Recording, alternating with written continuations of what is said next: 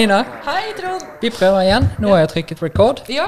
så det heter på norsk. Mm, tre timer med pod tapt. Ja. Men eh, vi starter på nytt igjen. Nå har vi tisset og spist litt. Vi har også løst pi. Og Ja, nydelig, så vi har full kontroll. Ja.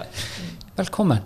Takk skal du ha. Og det er jo gøy, for du sa etternavnet ditt i sted. Nå husker jeg bare den franske måten å si det på. Hva var det du het på Jeg heter Nina Lyons. Lions? Yes. Og det var fra Americas? Yes. Eh, Det er eh, mange som tror at jeg heter Lyon, fordi Ja. det er stavet med y, men det er eh, god gammel amerikansk uttale, så det er Lions. Deilig. ja. Og nå blir det litt rart, for dette har vi nettopp snakket om. Jeg vet det. Men du bodde i Minnesota? Yes. eh, Jeg er eh, Vi kan jo starte på starten. Ja, bare ta det, du. Eh, ja. Nå vet du hva jeg lurer på. Ikke sant? Ja, så jeg kan bare- så bare du hvile kan ta deg en pause hvis du vil. Ja. Så bare snakker jeg om meg selv. Veldig flink. Ja. Jo, jeg heter da Nina Lyons. Jeg er 32 år gammel. Jeg bor i Oslo. Jeg har amerikansk pappa og norsk mamma, så jeg er født i USA. Ja. Flytta til Norge da jeg var nesten syv. Jeg er født technically i Fargo, North Dakota.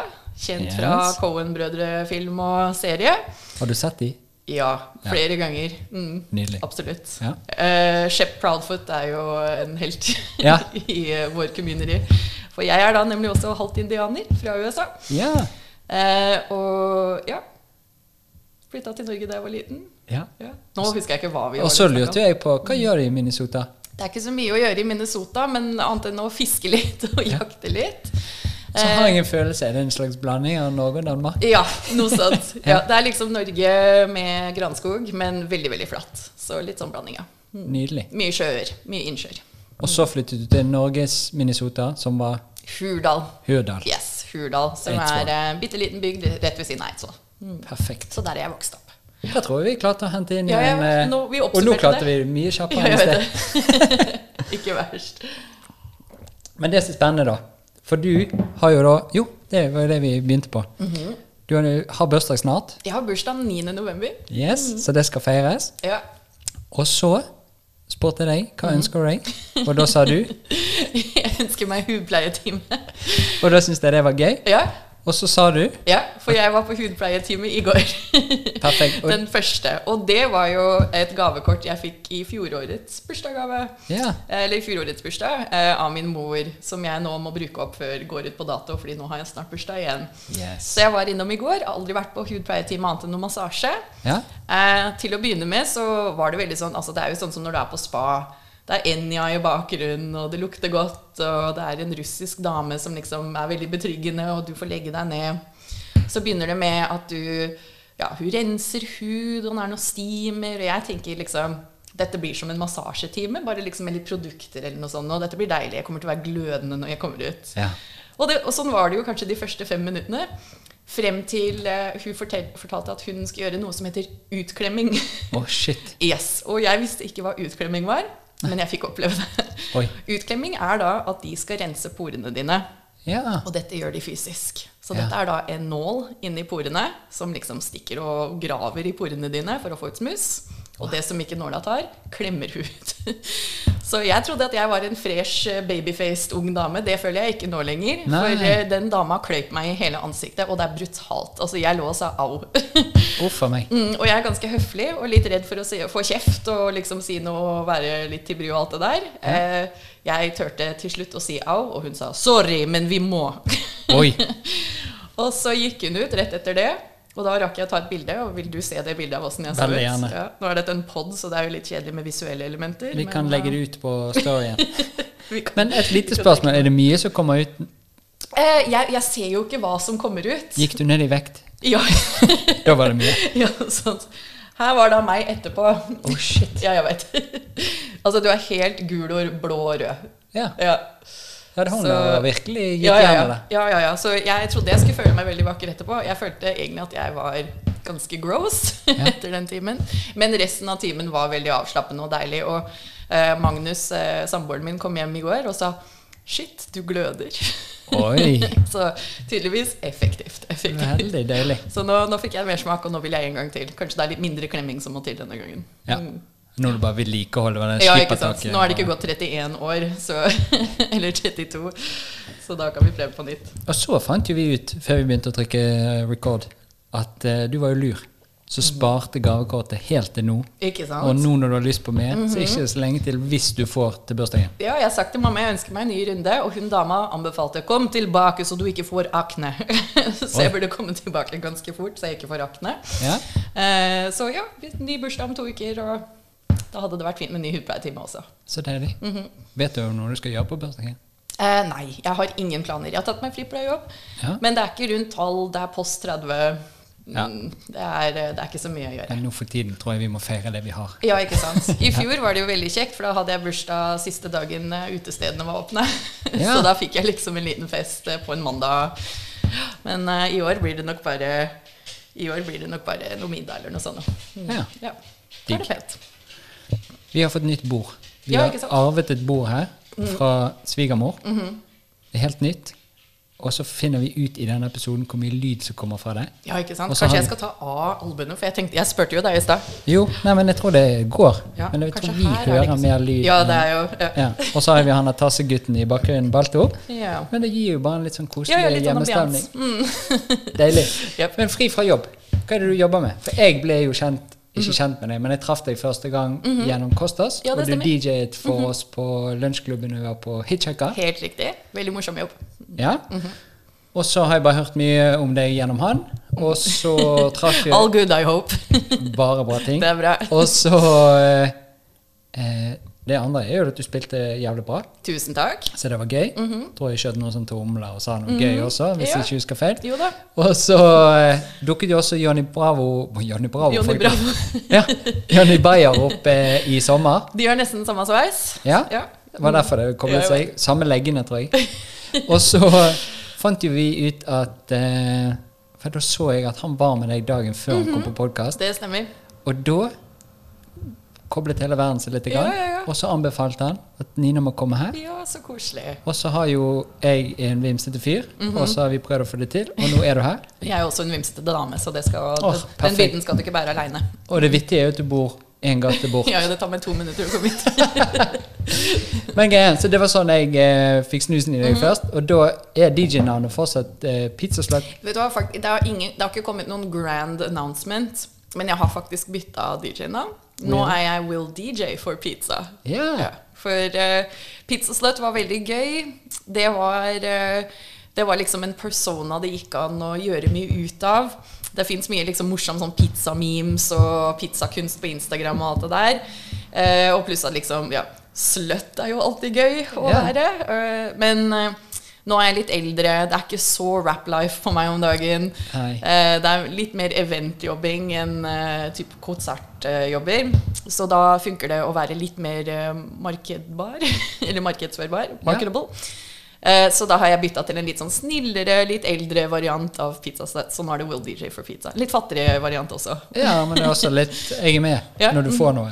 Ikke sant? Ja. Ja. Så pizza pizzaslut er død, lenge leve Will DJ for pizza.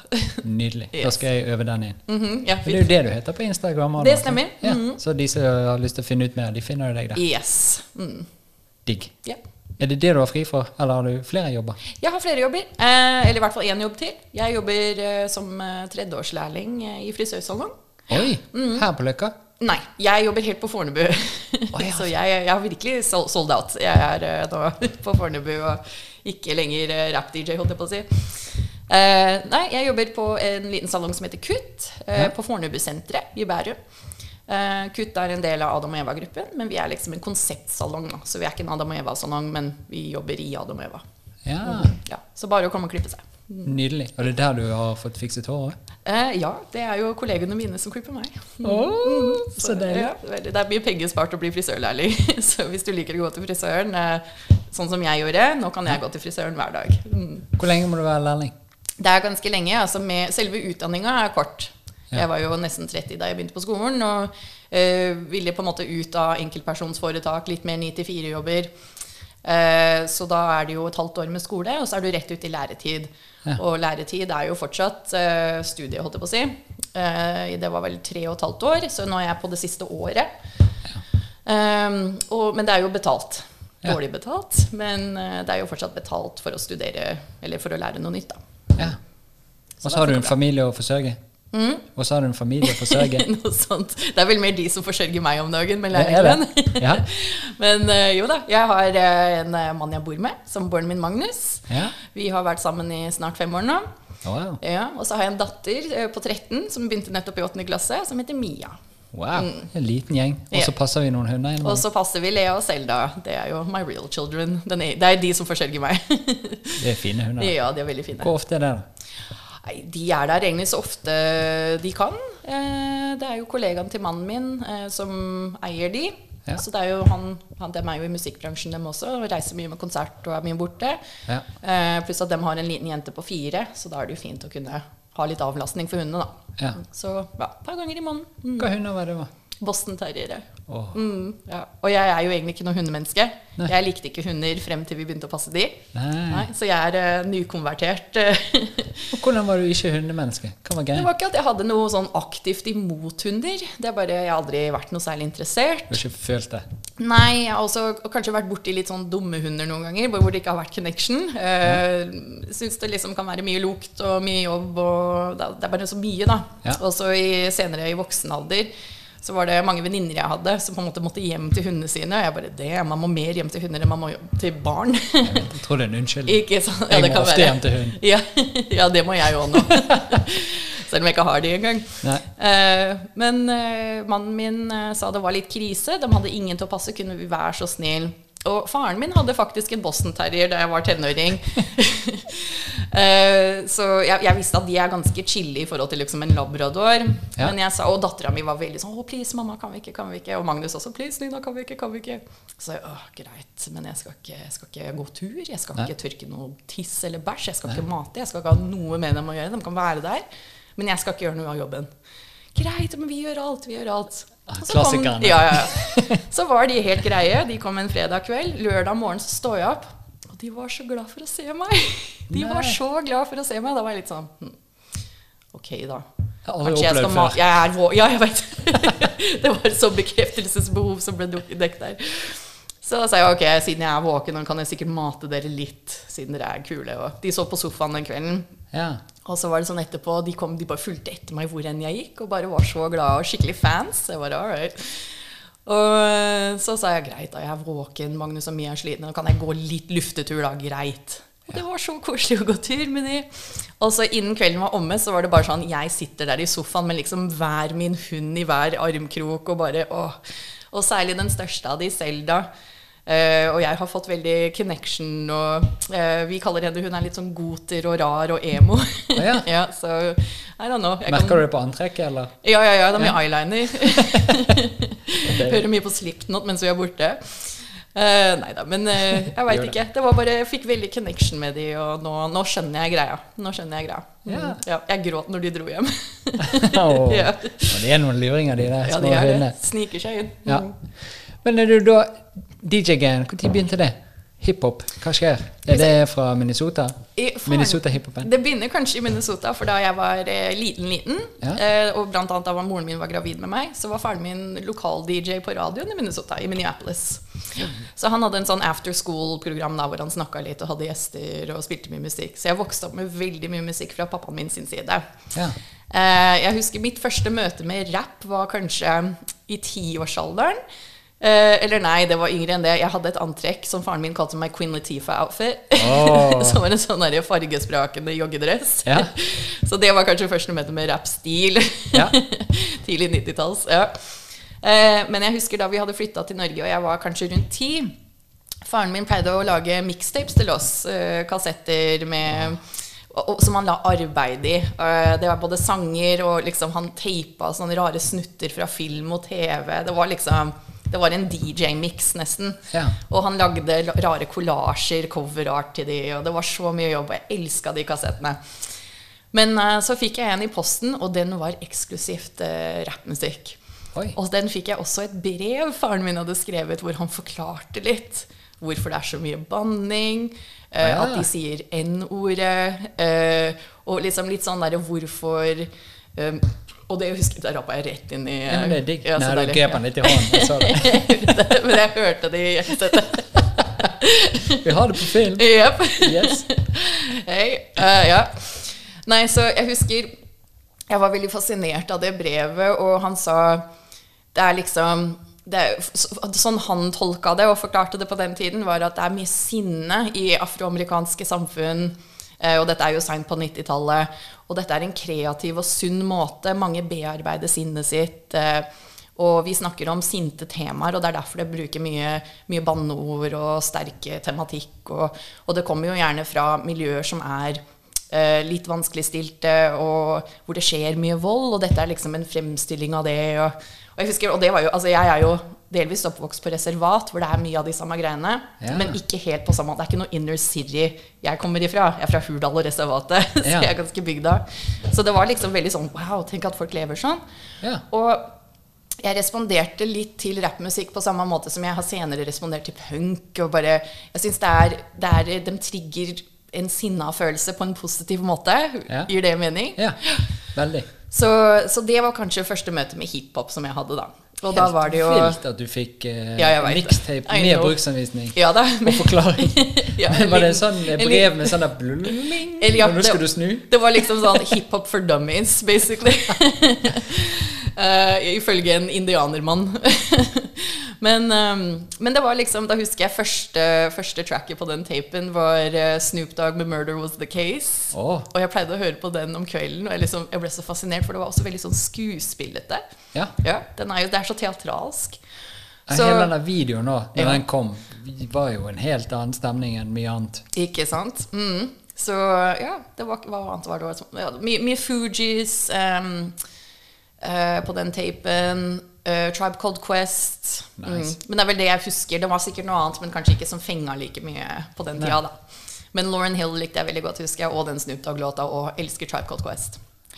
Så mange år seinere Så jeg har alltid likt hiphop. Det har jo på en måte hengt igjen, men jeg liker jo alle sjangere musikk. Det er ikke eksklusivt hiphop jeg hører på.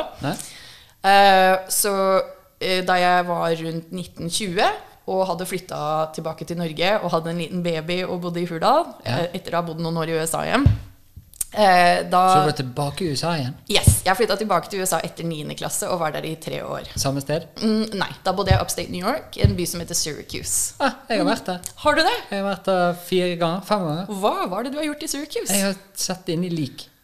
Du har sett nin Inni lik, så vi kutter opp eh, mennesker, så ser vi vi ja. sett inni lik. Ja. Wow, ja. Og så reiste du helt til Circus for å gjøre det? For der er det en, en skole som har masse lik. Mhm. Og så en gang i året så er vi der oppe og ser inni hvordan eh, akupunktur, massasje, yoga, Ja, qigong og alle disse tingene beveger Husker du hva det het? Nei, En av bestevenninnene mine er begravelsesagent, så hun oh, kan hende hun veit. jeg kan godt være. Jeg tror bare det er University Syracuse et eller annet. Og så en eller annen avdeling. Det var jo der faren min underviste. What the fuck? I know. Det var veldig rart. Jeg har vært der! Ja, ja, ja. Ja, Du vet, ok. Lou, Lou Reed gikk der. Ja.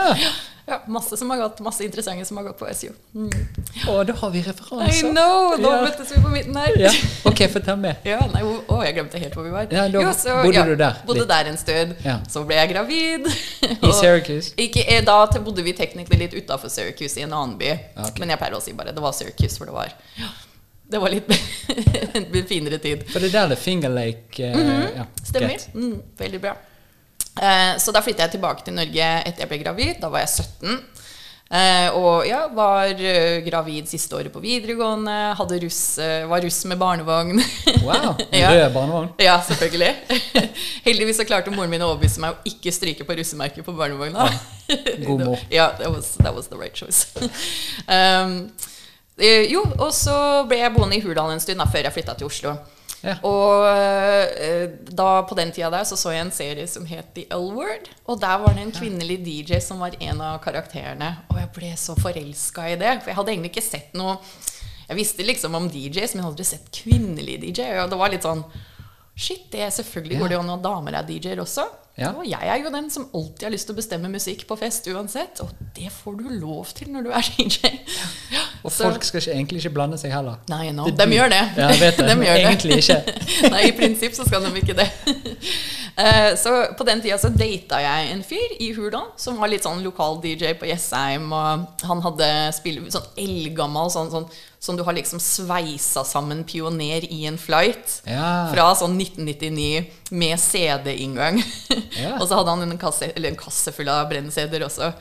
Og da viste han meg, og det ble jo til at han syntes det var veldig kjedelig når jeg kom på besøk, for han satt jo liksom med middag i sofaen mens jeg satt sånn her og øvde på beatmatch på CD-en hans. Og så ja, synes jeg ble jeg veldig fascinert av det. Ja. Sparte opp og kjøpte min egen uh, veldig stygge, veldig billige DJ-spiller i 2009. Ja. Og så har det vel gått derifra, da. 2009. Det er jo lenge siden. Jeg vet det. men du har vært DJ ja, 12, år. Ja. Gud, så deilig. Ja. Ikke aktivt i tolv år. Nei, nei, nei. Men Men, sett. eh, men det var så mye gøy her nå. Ja, nå, nå holdt jeg på lenge. Ja, men det fins jo Det er en sånn eh, veldig fin oransje jakke for Syracuse, Mhm. fotballaget der, tror jeg. Ja. Hvis du Syracuse sånn- Orange. Mhm. Ja, hvis du ser en sånn Kan vise bilde av den etterpå. ja. Elsker det. Men der er det ganske fint. Det er lite, Syracuse lite er sted. nydelig. Ja, jeg elsker å bo der. Har, er, har du vært mye rundt? Ikke veldig mye rundt, Nei. men jeg var på noen sånn spisested nede med sjøen der, mm. og da må du forflytte det litt. Men det er jo i området rundt skolen. Ja, og så er Marshall litt, Square. Ja, og så er det litt inn til denne i byen som mm. bodde på Hva heter det hotellet? Et eller annet Gold et eller annet. Er det, er det Grand? Kanskje. Ja, jeg lurer på om det er et sted som heter et eller annet Grand. Hvor det er liksom en sånn tårn, på en måte. Oi, det har ikke jeg sett. Ja, der, der hadde vi prom, eller jeg var eh, gjest på junior prom der. Oh, yeah. ja. Så det var kult. Mm. Digg. Nei, for det er bare den der vibben som du av og til ser på på film. Sånn amerikansk lite veldig. sted. Mm. Ja, og det er veldig jeg, jeg bodde Det er veldig nabolagbasert. Det er liksom en veldig lappeby. Litt sånn som Oslo, bare litt, litt, litt større. Litt Ja. større, kanskje. Så jeg bodde i et område som het Eller et nabolag som het Westgard. Som var liksom, det er en gate som heter Westgard Street, og så er det noen gater rundt. Ja. Og Westgard var så koselig. Der er det også restauranter. Eh, da jeg først flytta dit, så var det også liksom en sånn Wicca, magic-sjappe, masse pizzasteder, eh, eh, musikk og vintage-sjapper. Eh, Elska Westgard. Veldig sånn hippie universitetsområde. Ja. Kunne du ha tenkt deg å flytte tilbake? Å, jeg tenker på det hver dag. Gjør du? Jeg tenker på det hver dag. Men eh, det gir mm, litt mer mening om dagen å være mamma og norsk Ja. enn det gjør å være alenemor i USA. Ja, jeg ser det. Ja. Så, men jeg, jeg har vært masse tilbake på besøk. Eh, Det er litt lenge siden sist nå, men eh, jeg og Magnus var i bryllupet til venninnen min i eh, 2018. Ja. Så det var jo veldig gøy å vise Magnus eh, rundt i Syracuse også. ja. Hvor mange bor der, vet du? Jeg lurer på om det er litt på størrelse med Oslo. Er det så stort? Ja, jeg tror det. Ja, for det er så svær. Men det er også masse forstader, så det er liksom alle plassene Ah, rundt også. ja. Men selve, selve Syracuse City Limits er uh, ca. Oslo. Ok. Mm. Jeg fikk en sånn følelse at jeg var i sånn bitte liten by. Jeg. Ja, det er, eh, det er jo lille byen i forhold Ja. til mange andre byer. Mm. Ja. Ja. Wow. ja. Det, men samtidig, for meg så føles det større enn Oslo, for du må kjøre. Det er ikke så veldig mye kollektiv. Nei, Mm. men det arealet er kanskje mye større enn Oslo? Det kan være. Mm. Nå bare tipper jeg. Jeg, ikke geografi. jeg aner ikke, jeg. Det var bare en følelse jeg fikk. Ja. For du kjørte Hva heter flyplassen? Syracuse. Og um, Fader, hva heter den igjen? Eh, å, det heter noe Det det er alltid liksom en sånn, der, liksom det er en veldig gammel Jeg googler det. Jeg Google, det og så tenk litt, så skal jeg bare finne noe. Gjør det. Ja. Syracuse. Det er en gammel flyplass, ikke det? Hancock International. Yes. Vi skal teste noe, skjønner du. Ok. Så vi har det nye bordet og alle lydene. Mhm. Så skal vi få oss hver sånn. Ja, det var lurt. Det er hører liksom, det høres så For det er egentlig bare sånn her i virkeligheten, men så hører det sånn gung, gung, gung. Ja, og det pleier ikke å være så mye lyd. Nei. Men- så kommer Nina, og det er masse lyd. Veldig mye lyd. Nei, men Så deilig. Så vil du Syracuse, og så lærte du deg alt det der DJ-greiene. Ja. Var det vanskelig? Eh, ja, altså, det var ikke noe Hva er vanskelig? Eller hva er Nå, nå måtte jeg tenke meg litt om, for jeg syns det er mange måter å være DJ på. Vet du hva jeg lurer på om vi gjør at jeg har arma oppå den? Vil du ha flere sånne håndklær? Det gjorde ingenting. Det er mindre lyd i øret, da. Hæ? Det var mindre lyd i øret? Ja, ikke det? Sånn? Ja. Ellers må jeg bare sitte Vil du ha sånn albuebeskytter? ja. Og jo hjelm. sånn. Nei, men jeg tror det blir bra uansett. Vi okay. prøvde. Ja, vi prøvde. Jeg begynner på den setningen på nytt igjen. Jo, nå måtte jeg tenke meg litt om. Ja. For jeg tror det er eh, Jeg syns det er mange måter å være DJ på. Eh, Jeg er jo ikke den mest teknisk avanserte DJ-en by far. På ingen måte. Men samtidig så er jeg ikke den minst teknisk avanserte DJ-en heller. Eh, Jeg lærte jo å spille på god gamle brenn-CD-er. Ja. Og eh, da var det jo altså, han som på en måte lærte meg og viste meg. Det var jo CD-ene hans og musikken hans jeg begynte med. Og det var jo litt mer sånn elektro, litt sånn Jessheim, eh, uteliv, eh, rånemusikk. Ja. Men det er jo ypperlig å på en måte lære seg grunn, grunnteknikkene i DJ-ing. Eh, Så da var det jo at jeg sto liksom på kjøkkenbordet mitt etter dattera mi hadde lagt seg med headsetet på og liksom øvde på beatmatchet. Ja. Bare at liksom alt skulle gå i takt og være sømløst. Og så, ja, Jeg hadde jo ingen spillejobber på den tiden. Det tok jo mange år før jeg spilte ute. Ja. Men jeg husker første spillejobben min var på Jessheim. Eh, Jeg fikk 500 kroner i cash for å spille i kjelleren på et utested. På hardstyle-aften Jessheim. 500 spenn, det er jo Oh, ikke galt, da. det. Nei da, jeg tok det. Jeg visste ikke at jeg hadde gjort det gratis. Jeg spilte i Hva het du da? Da het jeg DJ Ninja. Og da var det N-I-N, parentes, DJ A. Ja. Så her syns vi det er gøy. Så det var jo på en måte første, ja, første DJ-nikket. ja. Og eh, ja, 500 kroner rett i hånda. Jeg spilte vel i tre og en halv time uten pause. Eh, Jeg, vet, jeg husker ikke om jeg fikk ølenheter eller noe sånt, men jeg var bare I was just so happy to be there. Det var ordentlig spillejobb. Jeg hadde også øvd inn settet mitt på forhånd. Men det var jo verken hiphop eller elektro eller rånemusikk. Det var god gammeldags hardstyle. Oi. Masse bass, skikkelig rave-musikk. Ja. Men jeg syntes det var veldig gøy på den tiden. Jeg har alltid elska bass. ja. Og eh, da varma jeg opp for to norske, ganske kjente hardstyle-DJs. Um, han ene heter Hardyboy, han andre har jeg glemt hva heter. Det er litt lenge siden. Uh, Jeg tror ikke han hører på her. Nei, jeg tror ikke det, jeg heller. Jeg kjenner ikke. Forhåpentligvis så florerer han i Amsterdam, eller noe sånt, for han var veldig dyktig. Og han hadde også en sånn, sånn robot-ledd-drakt som han spilte i, så all ære til han fyren der. Oh Kanskje oh det kommer God. tilbake etterpå. Yeah. Ja. Uh, Men det var ikke før uh, kanskje 2013, første spillejobben ute i Oslo. Og da var jeg litt sånn Da hadde jeg hatt noen sånne jobber, sånn, sånn russe-reunionen min og noen sånn bursdager rundt omkring i Eidsvoll. Og eh, funnet ut at du trenger ikke på en måte ha beat, match, house, elektro hele tiden. Eh, Folk vil jo gjerne liksom ha litt mer allsang. Jeg er ikke så veldig pop av meg, men jeg har mye hiphop-allsang. Ja. Så da blanda jeg liksom litt eh, det inn, og fant ut at det funker veldig bra, og det er veldig gøy å spille. Og så tok det jo veldig mye press av selve spillejobben, for jeg måtte ikke øve inn et sett hvor jeg beatmatcha med hiphop. Jeg fant ut at du kan gjøre en annen overgang enn Ja. å overlappe. Og Ja. Mm. backspinning. Ja. Det er sikkert mange DJ-er som hører på nå, som bare Åh, nei! Ja, men, men for meg så følte jeg det, da. ja. Mm, så da var det jo bare ja, et par år med spilling i Oslo, hvor jeg var veldig standhaftig på hiphopen.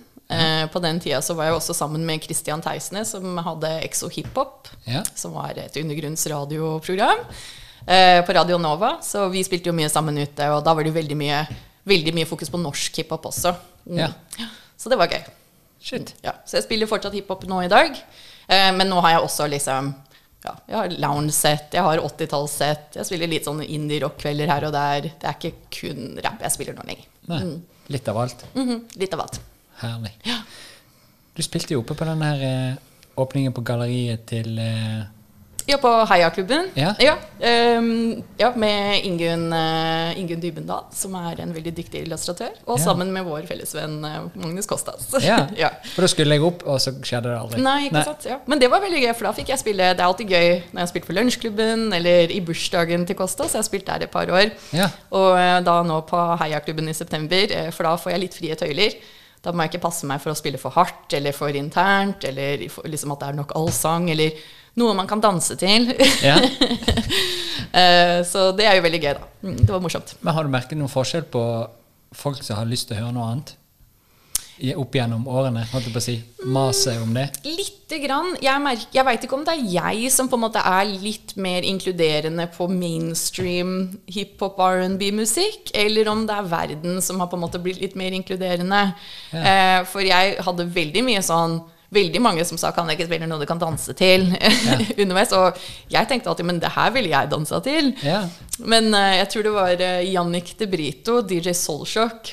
Han sa til meg en gang Han har gitt meg så mange spillejobber og har blitt så oppgitt over at jeg spiller for tungt noen ganger. Ah, ja. Men alltid vært veldig supportive og grei. Men han sa til meg en gang han bare «Åh, Nina, jeg veit ikke hva jeg skal gjøre med deg. For du spiller liksom det vi hører på på vorset og i bilen på vei til klubben. Ja. Men du spiller jo ikke det damene vil danse til.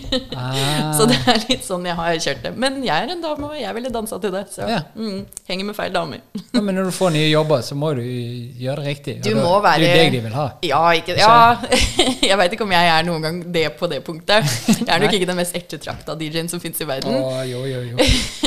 da, takk. Ja. Eh, men uh, jeg, jeg føler at med åra så har jeg egentlig blitt ganske flink på å lese crowd. Ja. Og jeg har spilt på, altså på Latter, jeg har åpna for Taiga.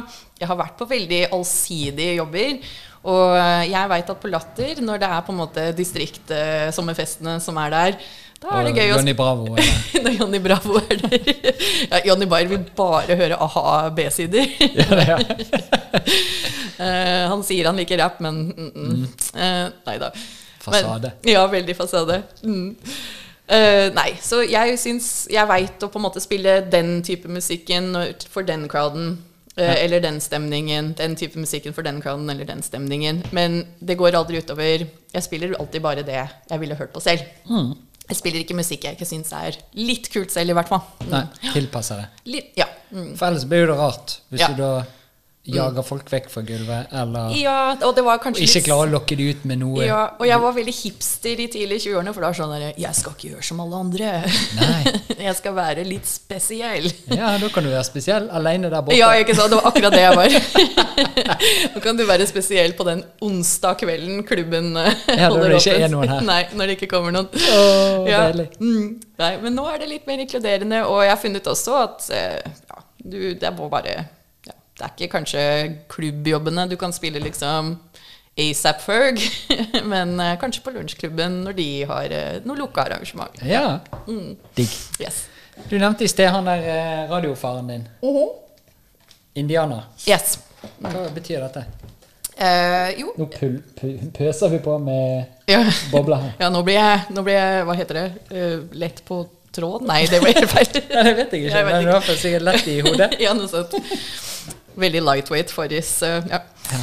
Lightheaded. Uh, yes, lightheaded. Faren min er uh, Leech Lake Ojibwe. Ja. Så han er uh, fra Ojibwe-stammen i Nord-Minnesota. Ja. Eh, det er eh, Altså, hvis det er eh, en karakter i Sølvpilen som er fra samme stamme som meg, så heter det kanskje Chippewa i tegneserien. Okay. Det er liksom litt sånn white person-betegnelsen, men det er Ojibwe som vi sier, da. Ok. Mhm.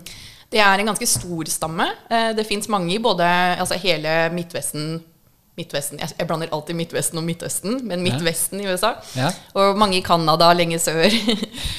og, øh, men vi er jo fra spesifikt et reservat som heter Leech Lake Reservation.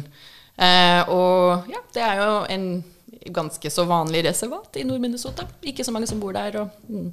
Ja. Ja. Mye, så vi var, jo, vi var jo hos faren min hver sommer som barn. Ja. Da, etter vi flytta til Norge, så pleide vi å besøke faren min om sommeren. ja. Og da var jo faren min ganske aktivt, uh, veldig interessert i indianerbakgrunnen sin. Jeg har ikke de mest tradisjonelle besteforeldrene eller oldeforeldrene. De er ganske Nei. assimilerte. Ja. Kristne, kort hår. Men faren min var veldig på en reise, da, og den fikk vi ta litt del i. ja. Så vi har vært med i uh, masse seremonier og eh, gått gjennom ting som liksom Vi har fått indianernavn. Uh, da jeg ble, kom i puberteten og fikk mensen for første gang, uh, da gikk jeg gjennom noe som heter The Four Days Ceremony, hvor du er liksom That's how you become a woman. det er sånn indianer bat mitzvah, på en måte. Wow. ja. Eh, vi har også vært med i powwows, som er jo hvor de danser og de spiller trommer. Litt sånne indianerfestivaler, på en måte. Ja. Og søstera mi og jeg dansa begge i powwows, så vi har vært sjaldansere da vi var små. Mm, mye kult. Huh. Ja. Det var mye info på Ja. eh, 15 sekunder. Ja. Men uh, ok, ok, ok.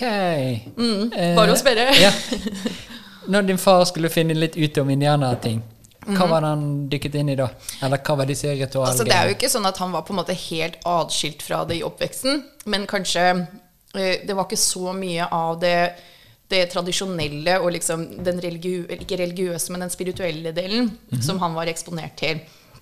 Eh, det var jo altså frem til 70-tallet og American Indian Movement og den indianersk, indianerske indianerborgerrettighetsbevegelsen Ja. som kom på 70-tallet, så var det jo altså basically ulovlig å være tradisjonell indianer. Helt sykt. Ja. Ja. mange steder hvor det var uh, forbudt å praktisere seremonier, sånne ting. Og det var jo noe, det var jo noe 70-tallet som kom veldig tilbake på 70-tallet. Ja. Av at uh, American Indian Movement eh, demonstrerte, og uh, endelig var det litt fokus på at det var så mye forskjellig, forskjellsbehandling da, i indianersamfunn.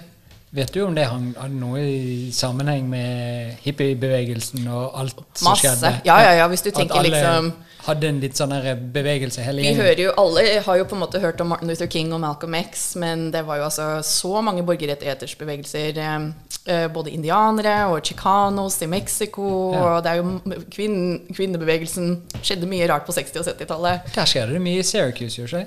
I Syracuse Ja. med indianere. Nei, med kvinnebevegelsen. Og ja, helt sikkert. Det var jo Ja. mange som gikk på SU og ja. New York generelt var jo ganske er. Albany. Albany. Og Ja. du tenker på um, Seneca Falls?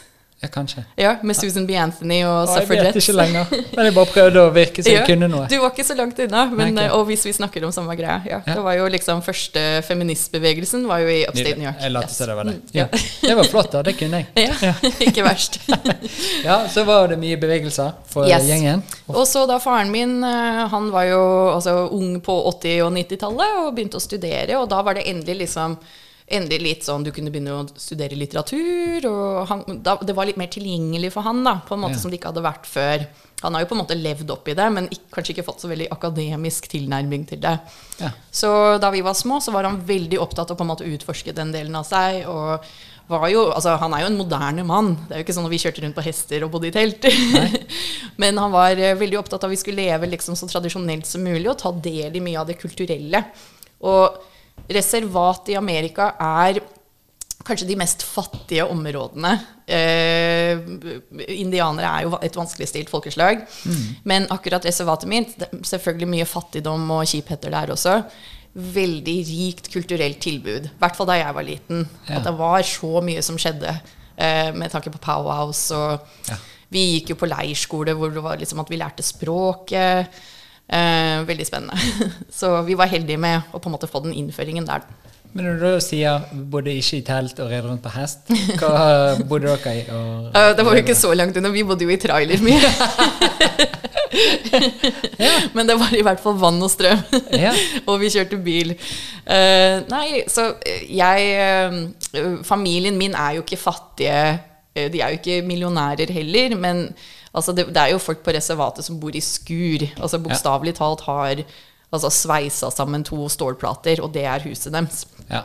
Eh, Så eh, bestefaren min eh, har vært arkitekt, så han bodde jo i et fint hus. Ja. Um, Er det litt sånn vestlig huset vi er vant til, eller er log cabins. Oh. Så eh, hva heter det? Tømmerhytter. Mm, som er veldig Er det sånn laftet? Ja. Er det? Ja. Jeg liker det. Så han designa det, da. Mm. Ja.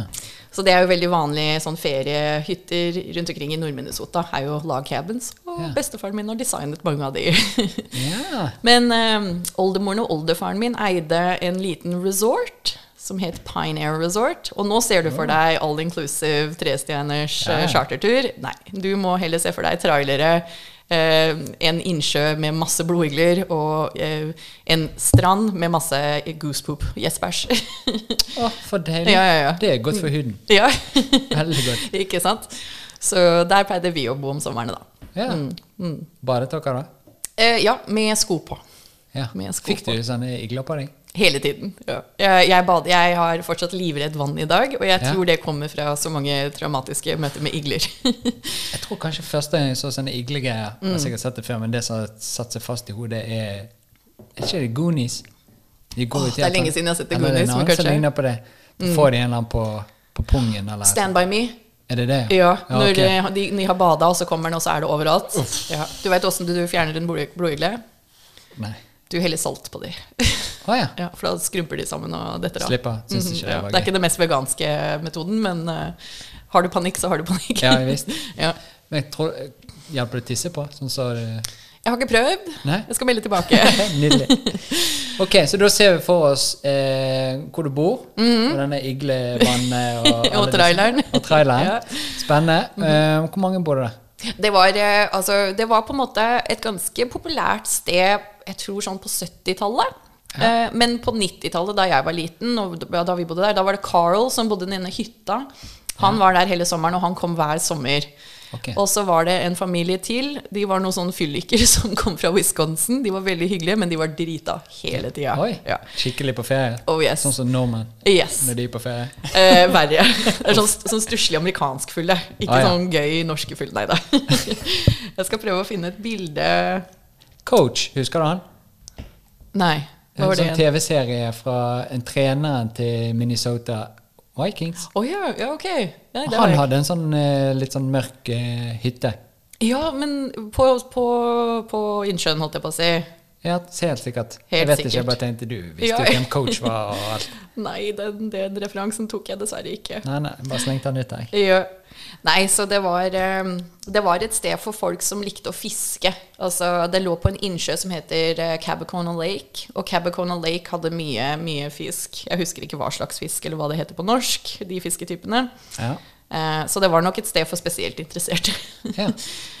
Men eh, jeg hadde fantastiske, fantastiske minner derifra. Det var, jeg hadde ikke bytta den barndommen der mot noe annet. Det var alltid en fryd å komme på besøk til Minnesota og elska å være der. Dessverre veldig mange år siden jeg har vært der sist.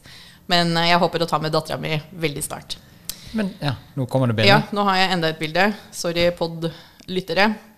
Eh, dette, er jo, dette er ikke fra den resorten, men dette er jo dette er jo indianergjengen på 30-tallet. Han i svart T-skjorte, det er oldefaren min, Aubrey Lyons. Eh, og de var da fiske... Eller fishing guides. Å, kan jeg holde? Ja, klart. Så de hadde liksom en liten shack. og så kom det. folk fra storbyen og kjørte ned til reservatet og ville finne de beste stedene å fiske på. Og da var de jo liksom lokale indianere som kunne vise vei, da. For en gjeng. Ja. Var det fiske som var hovednæringen der, eller? Eh, jeg veit ikke om det er selve inntekten til reservatet, men det er veldig mye altså Jeg tror reservatet lever mye på fishing licenses. Eh, du må søke tillatelse hvis du skal jakte eller fiske på eh, generelt, men også særlig da på reservat på indianer, Indian land. Ja. ja. Um, men jeg tror altså selve inntekten til reservatene er jo nok sånne ting som eh, kasinoer og Ja. taxfree sig. Ja. Mm. Hvordan er det i reservatet med For jeg var i Navaho. ja, ja, stemmer det. Det så jeg. Ja, Og da var jo det Da bodde jeg hos presidenten. Oh, wow. Eller høv høvdingen? Chief? Nei, da Heter har de president? president. Ja, kult. Mm, Nå var jeg så jeg, Nå var det jeg som trodde de bodde i telt og Jo, men det var ikke langt unna. Så vi bodde i hagen hans, som var ørkenen. Og Ja, da ja, ja. bodde vi i telt. Men i hvert fall, da var det litt sånn at uh, De levde mye av kull. Mm. Mm, Men alt gikk jo bare ut av reservatet, og så fikk de veldig lite inn igjen. Ja. Og så ble litt av eh, deler av reservatet ble litt sånn der Ville Vesten, friområde for de utenfor. For. Ja. de blir ikke fulgt etter inn i reservatet. For det er ikke samme, det er ikke samme jurisdiction. Vi har jo, det er jo egne politistyrker på reservatene. Ja. Mm. Og sånn som jeg forsto det, så var ikke de så store. Nei. Mm. For det var bedre betalt utenfor, så Ja. flere var snut på utsiden enn Ja, innsiden. ikke sant. Og så ble det litt sånn tullete stemning. Ja. Ja, det er, dessverre så er det mye sånn nå, Igjen, nå er mesteparten av infoen jeg har å melde fra reservatet, er jo på en måte det jeg husker fra barndommen. Ja, men det er det jeg liker. ja, men så bra. Eh, så, men sånn jeg har skjønt det, i hvert fall reservatet mitt, det var eh, Eller mange reservat, og dette får de mye kritikk for, er jo at det er mye tax-free. De er jo tax-exempt, for de er jo sovereign Jeg vet ikke hva det heter på norsk. Sovereign. Selvstendige. De, dem, dem eh, selvregjerende. Ja. Ja. Mm. Så reservat på en måte har egne governments, egen politi. De er jo på en måte fortsatt en del av USA. Kommer det en seriemorder og gjemmer seg på reservatet, kommer jo FBI og har på en måte Hei sann, du. ja. Bli med oss. ja, vi Ja. bestemmer over dem igjen. Ja. Men akkurat der og da er det på en måte selvbestemte regler. Og da er det mange indianere som har vært lure og sagt ja, men vet du hva, er det ikke lov å gamble i den staten her? Vi har nemlig et kasino du kan komme og gamble på. Fordi akkurat der er det lov å gamble, ikke resten av stedet. Der er det jo millioninntekt. bare det. Ja. Å ja, siggen blir bare dyrere og dyrere rundt omkring i resten av staten. Ja ja, men her er siggen taxfree, og vi lager våre egne sigg. Oh. Eh, faktisk i Syracuse, på Onondaga Reservation, det var der faren min pleide å kjøpe røyken sin. Mhm. Da var det 20 dollar kartongen. Oi, er det mye? Nei, Det er lite. veldig lite. Det er 200 kroner kartongen. Ja. Og um, eh, hva var det de het, de siggene? De het eh, Niagara Smokes, eller noe sånt. Oi. yep.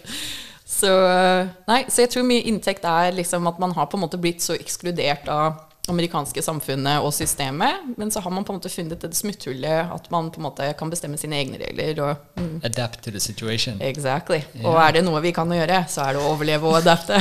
Det har vært ja. imponerende. Mhm. Hellene, dette er mye gøy. Hva heter den? den Det er annen serie.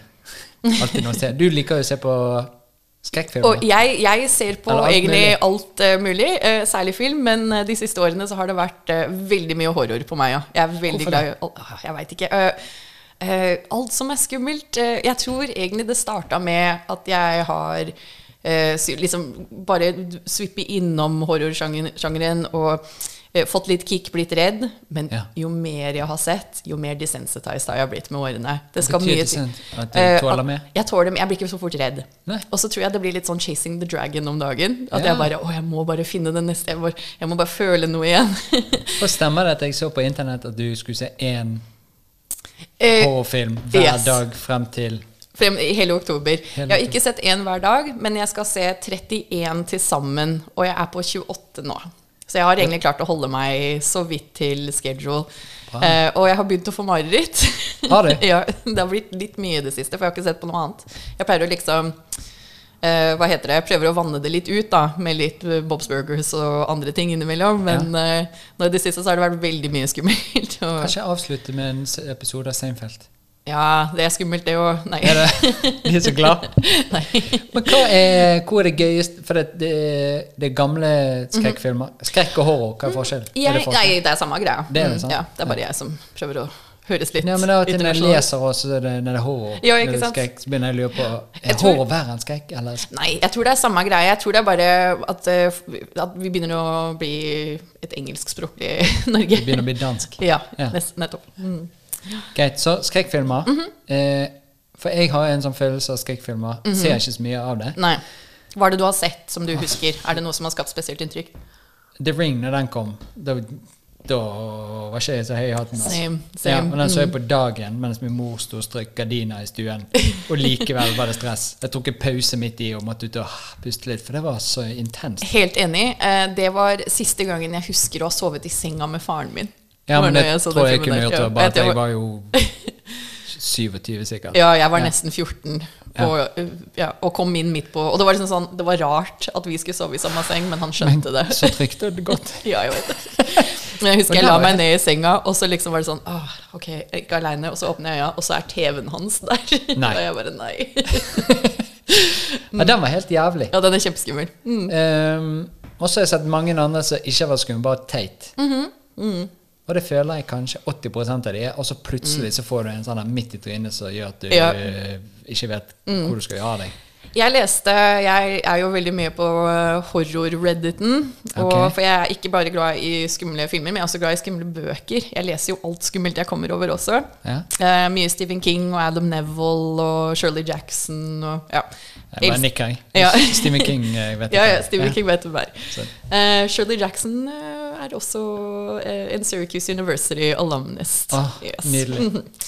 Um, men eh, det var noen som hadde kommentert eh, litt i samme tråden som det der med å chase the dragon, at for mange horror-fans så tror jeg det handler ikke så mye om at du skal bli redd, men det er, det er, liksom, det er en slags drama der, som er litt mer enn vanlig drama, hvis det gir mening.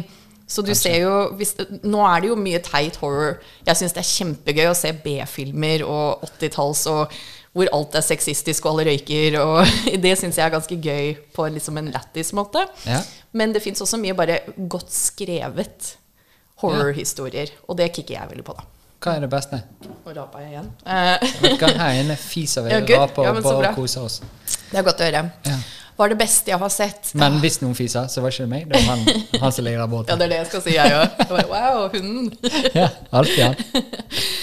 Um, nei, jeg tror ikke jeg har én favoritt. Eh, Jeg er veldig glad i uh, Mye av de klassiske, det er mange favoritter som er favoritter av en grunn. Eh, Jeg liker veldig godt Carrie fra 1976. Brian De Palma som har regissert den. Okay. Han har også laga Scarface.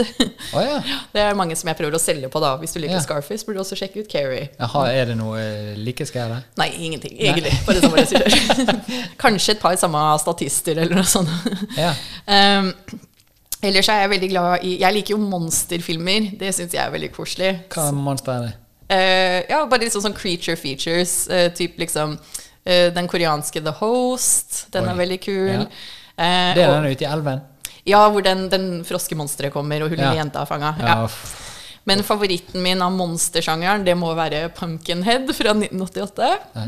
Og den anbefales. Den anbefales. sånn på ekte? Ja, det er, og så nå er det jo halloween. Jeg veit ikke om det her kommer ut før halloween. Jeg men, men, men neste halloween i hvert fall. Jeg kan spare den til neste halloween. Ikke sant? Da har jeg sikkert ny hudpleietime òg. nei, Pumpkinhead anbefales. Det er liksom alt du vil ha. Det er gode 80-tallsskuespillere. Lance Henriksen, som har vært med i Terminator og Alien. Han er jo en sånn character-skuespiller fra 80-tallet. Han, han har endelig fått hovedrollen. Ja. Det er sexy college kids. Det er uh, en fyr i en gummidrakt som jakter på the sexy college kids. Det er en skummel heks i skogen. Det er loss, love, lengsel. Det er, eh, du har alt i den filmen her. Og selvfølgelig det viktigste, du har et synt-soundtrack. Mm, veldig viktig. Mm. Hvem som har lagd den? Stan Winston, som Faen, du kan alt du har tenkt sånn det Ja, du prøvde å ta med det. og Stan Winston er egentlig mest kjent for å gjøre spesialeffekter. Ja. Han har jobba på Terminator, Jurassic Park. Eh, han er en kjent, kjent fyr i eh, spesialeffektverden. Men denne var, dette var liksom hans egen film som han fikk lage.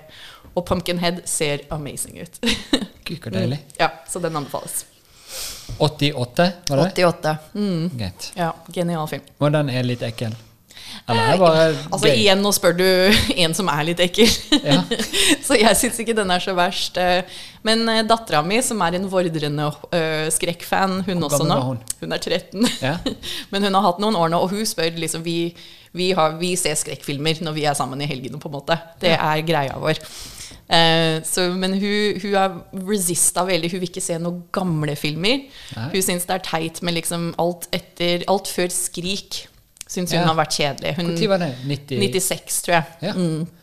Uh, nyeste tatoveringen min er jo Scream-sitat. Vet du hva jeg så på den i sted? Tenkte vi må Ja. snakke litt om eh, Det er Ingunn som har gjort den. Ja. Ingunn, uh, Ingunn Dybendal på Lucky Seven. Hun gjorde den i forrige gårs, For de som ikke kan se den, så er det en videotape med What's, What's your favorite scary movie? Yes, og noen fine blomster. Jeg sendte snap av den til Jonny Bayer, og han sa jeg kunne høre stemmen i hodet. Godt jobba, Cindy. Men jeg tror han mente Sydney fra Oi. filmen. Ja. Så henger, her henger vi ut, Jonny, stakkars. Ja. Um, nei, så hun har resista veldig. Hun syns ikke 'Nightmare on Elm Street' har vært noe gøy. Uh, hun så liksom sånn halvveis på 'The Shining', men var litt sånn eh. Og Så du toeren av den? Hva heter toeren? Eller den oppfølgeren? og? Dr. Sleep. Ja. den Likte du elska den? vi. Ja. Okay. Den elska hun, fordi den er liksom Nyere. nyere, moderne. Men uh, jeg tvang henne til å sitte gjennom Pump- Pumpkinhead med meg, og hun ble faktisk investert og måtte innrømme at det var ganske gøy. Ah. Så det er en film for de som selv ikke liker så 80-talls. Ja.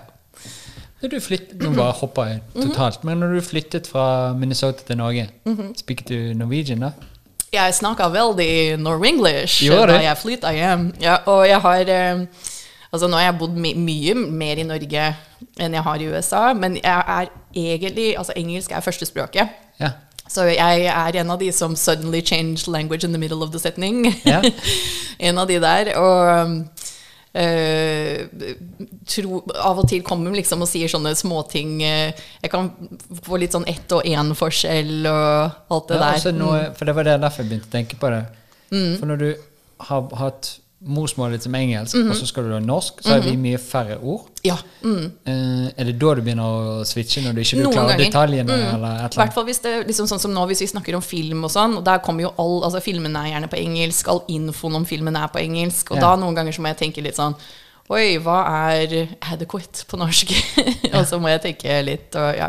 Mm. ja. Men uh, det var ganske funny, for uh, moren min, hun snakka kun eh, norsk til oss eh, da vi var små. Ja. Altså, hun hun snakka ikke engelsk. Selv om vi snakka engelsk til henne, så snak, svarte hun på norsk. Og sånn lærte vi norsk da vi var små. Ja. Men da vi flytta, Eh, mora mi trodde jeg kunne norsk perfekt, og jeg forsto norsk helt fint. Men eh, ja, nå som vi ser på sånne gamle filmer og sånn, så er det veldig amerikanske dialekt. Og lillesøsteren min var fire. Hun forsto norsk, men hun snakka ikke. Og det tok lang tid før hun begynte å snakke, og det var ganske stress for i hvert fall mamma på den tida. Men vi har en nydelig historie om henne, og det er jo Jeg tror de drev og filma og skulle sende en video til faren min, som var i USA på den tida. Ja. Og da sitter hun Hun var så glad i en gutt i barnehagen som het Ulrik. Så ser, ser du IK driver og løper rundt, og så sier hun Come on, Ulrik, let's go over here and play. Og Ulrik ser rett inn i kameraet og sier Jeg skjønner ikke hva han sier. Ja, det er deilig, da. ja. Ja. Tilbake til. Det, er bare, for det var et eller annet du sa, oh, ja. og da skjønte jeg nå er det Det noe er engelsk mye, inni ja. hodet Mm. som eh, Ja. ikke kan klare å komme seg ut på norsk. Ja, og det er, det er en ekte handikap, alle sammen der ute. Det er ikke jeg som prøver å være kul og hipp og amerikansk. Det, det ser vi. Ja. Så, horroren. ja. Mm. Er det noen en epoke som er bedre enn andre? Litt sånn som noen Mm. liker hiphopen på 90 et eller annet tallet, og noen liker det et eller annet. Jeg er en jeg føler at jeg er en av de heldige horrorfans, fordi jeg er ikke noe gatekeeper på noe som helst Hva betyr det å være gatekeeper? jeg- Min gate- må høre på, henne. har ikke Ok, peiling. En gatekeeper er um, uh, Sånn jeg har forstått det i hvert fall, så er en gatekeeper en som liksom er en ekspert på sjangeren og skal på en måte police andre fans. Så Ja. hvis du sier Du, du, spurte ja, så du er rap-DJ. Ja, men har du hørt Ja. den og den og den Grandmaster Flash-bootleggen fra 1976 og eh, Ikke sant? Ja. Og så når jeg ikke har hørt det, så bare er ikke jeg noen ekte fan. så, men det er gatekeeperen fordi han har hørt det. Yes. Men jeg tror horror er en veldig bred sjanger. ja. Det er, jo, altså det er jo ikke alle deler av horror jeg liker. Jeg liker veldig mye av alt. Jeg liker ikke tortur. Nei. ikke så mye sånn Saw og Hostel. Jeg synes ikke Er det spletta ting, det? Nei, for jeg elsker slashere. Jeg, oh, ja, elsker, når det er, jeg elsker når det er cheesy, lættis, teatralsk. Jeg Ja. syns ikke når det er smerte i øya og ikke noe historie, ikke noe soundtrack, ikke noe kunst bak. Det er bare laget for å være æsj. Ja. og igjen, hvis det er greia di, kjør på. Det er ikke greia mi. Nei. Mm. En, ja. Men jeg syns, men for å svare på spørsmålet ditt, eh, den beste epoken Jeg tror kanskje vi er i den nå. Er ja, jeg tror det er så mye bra og liksom eh, altså, så, så mye mer akseptert i mainstreamen. Eh, var det ikke, eh, de, de It-filmene var jo noen av de mest suksessfulle filmene som noen gang har kommet. Ja. Horror har alltid havna veldig bakpå, alltid fått massiv eh, dårlig kritikk. Eh, det er jo vel ingen horrorfilmer annet enn 'Silence of the Lamb' som har vunnet Oscar. Eh, Er det fordi de, de henger seg opp i sånn klisjéting jeg, tror det jeg tror det er mer at folk ser på det som low brow. Det er ikke liksom akademisk nok. Det er ikke Nei. på en måte smart nok entertainment. Jeg Du får jo helt panikk når du ser dem. ja, ikke sant? Så det er jo smart laget siden du har på drit i buksen når det skjer. Og hvis vi tenker på liksom 80-tallet, hvor vi ikke har samme åpenhet rundt seksualitet, og vi er ikke like Altså det er ikke mye vold, like mye vold liksom, i actionfilmene og resten av filmene våre som det er liksom Horror er på en måte det er, det er nesten pornografi, i tillegg til at det er voldelig. Ja. Og vi er redd, veldig redde for vold og sex på den tida. Ja. Eh, da blir det liksom sånn at det her skal vi ikke feires, og vi skal ikke oppmuntre det. Det blir liksom ikke verdt å stå på Oscarscenen sammen med resten. Men nå tror jeg folk veit at du kan lage horror med samme verdi kunstnerisk, hvis det gir mening. Ja. Mm. Så da tror jeg vi er i en liten gullalder nå. Mm. Hvis du har en sånn serie uh, The Silent Room Place, et eller annet, Hmm. der de må være helt stille. Mhm. Fordi uh, skapningen som har landet på jorden Quiet Place. Quiet Place. Ja, ja det veldig gode filmer. Jeg sant? det var gøy. Mm, ja, kjempebra. Har Kjempe- du sett toeren nå? Ja. Ja. Mm, vi så toeren på kino første gang jeg var på kino etter covid. En det var- serie, sier det var en film. Ja, mm. Ja. Det, er jo- nei, det er jo to, da, så technically en serie. Oh, takk for at du hentet Ja. meg inn i det. Men det syns jeg var gøy. Ja, det var så bra. Da kanskje du liker monsterfilmer, du også. For det er litt Kan sånn creature feature. Ja. hvis du synes det Og når gøy. vi ser på da Nå kommer jeg til å si alle Ja, seriene og filmene feil, men hva heter eh, den gøye som kom på Netflix? Med det Upside World Med, med Stranger Things. Ja. Mhm. Det er jo litt sånn koselig, men litt ekkelt òg, ikke Jeg husker ikke hvem som sa det, men det var noen som sa at eh, det var tre veldig tradisjonelle 80-talls litt horrorhistorier i den serien. Og det var eh, Tenåringene var i en West Craven-film. Det er han som har laget 'Nightmare on Elm Street', Ja. eh, Scream-legenden. Eh, barna var i en Stephen King-bok. Ja. Så Stephen King har jo skrevet Stand By Me og It og masse barne-adventures. Ja. og de voksne var med i Jeg har lyst til å si David Lynch, men jeg tror ikke det var David Lynch. Det var, eh, ja, men i hvert fall altså at det var liksom tre forskjellige grener av skrekksjangeren Ja. som var på en måte blitt fletta sammen. Og det syns jeg var så genialt, for da var det litt noe for alle. Ja. Så hvis Føl- du digger Stephen King, så får du på en måte kicket ditt der. Mm. ja, for da får du den uh, vibben der. Men det Mm. Syns du alle Har du sett alle sesongene? ja, ja, ja. Selvfølgelig. Flere ganger. Og elsket alle? ja. Mm. Ja, for de klarte å holde den mm. greien. ja, jeg vet det. Første sesong var litt sånn Mm. Alt var så Jeg vet da faen. Du fikk så mye minner til barndommen av ting du hadde sett. Ja. I tillegg til at det var litt ekkelt og rart. Det var også ja, Men det tok meg det et par forsøk. nå? Eh, Ja, jeg tror sola går ned, men jeg er, det er indianeren i meg. Vet du. Jeg bare, The ja. sun god has Nei. Oh, jeg. Må vi danse noe nå? Ja. Du vet hvem som er de beste stripperne? Nei. Indianere, for når de danser, så regner det. Oh.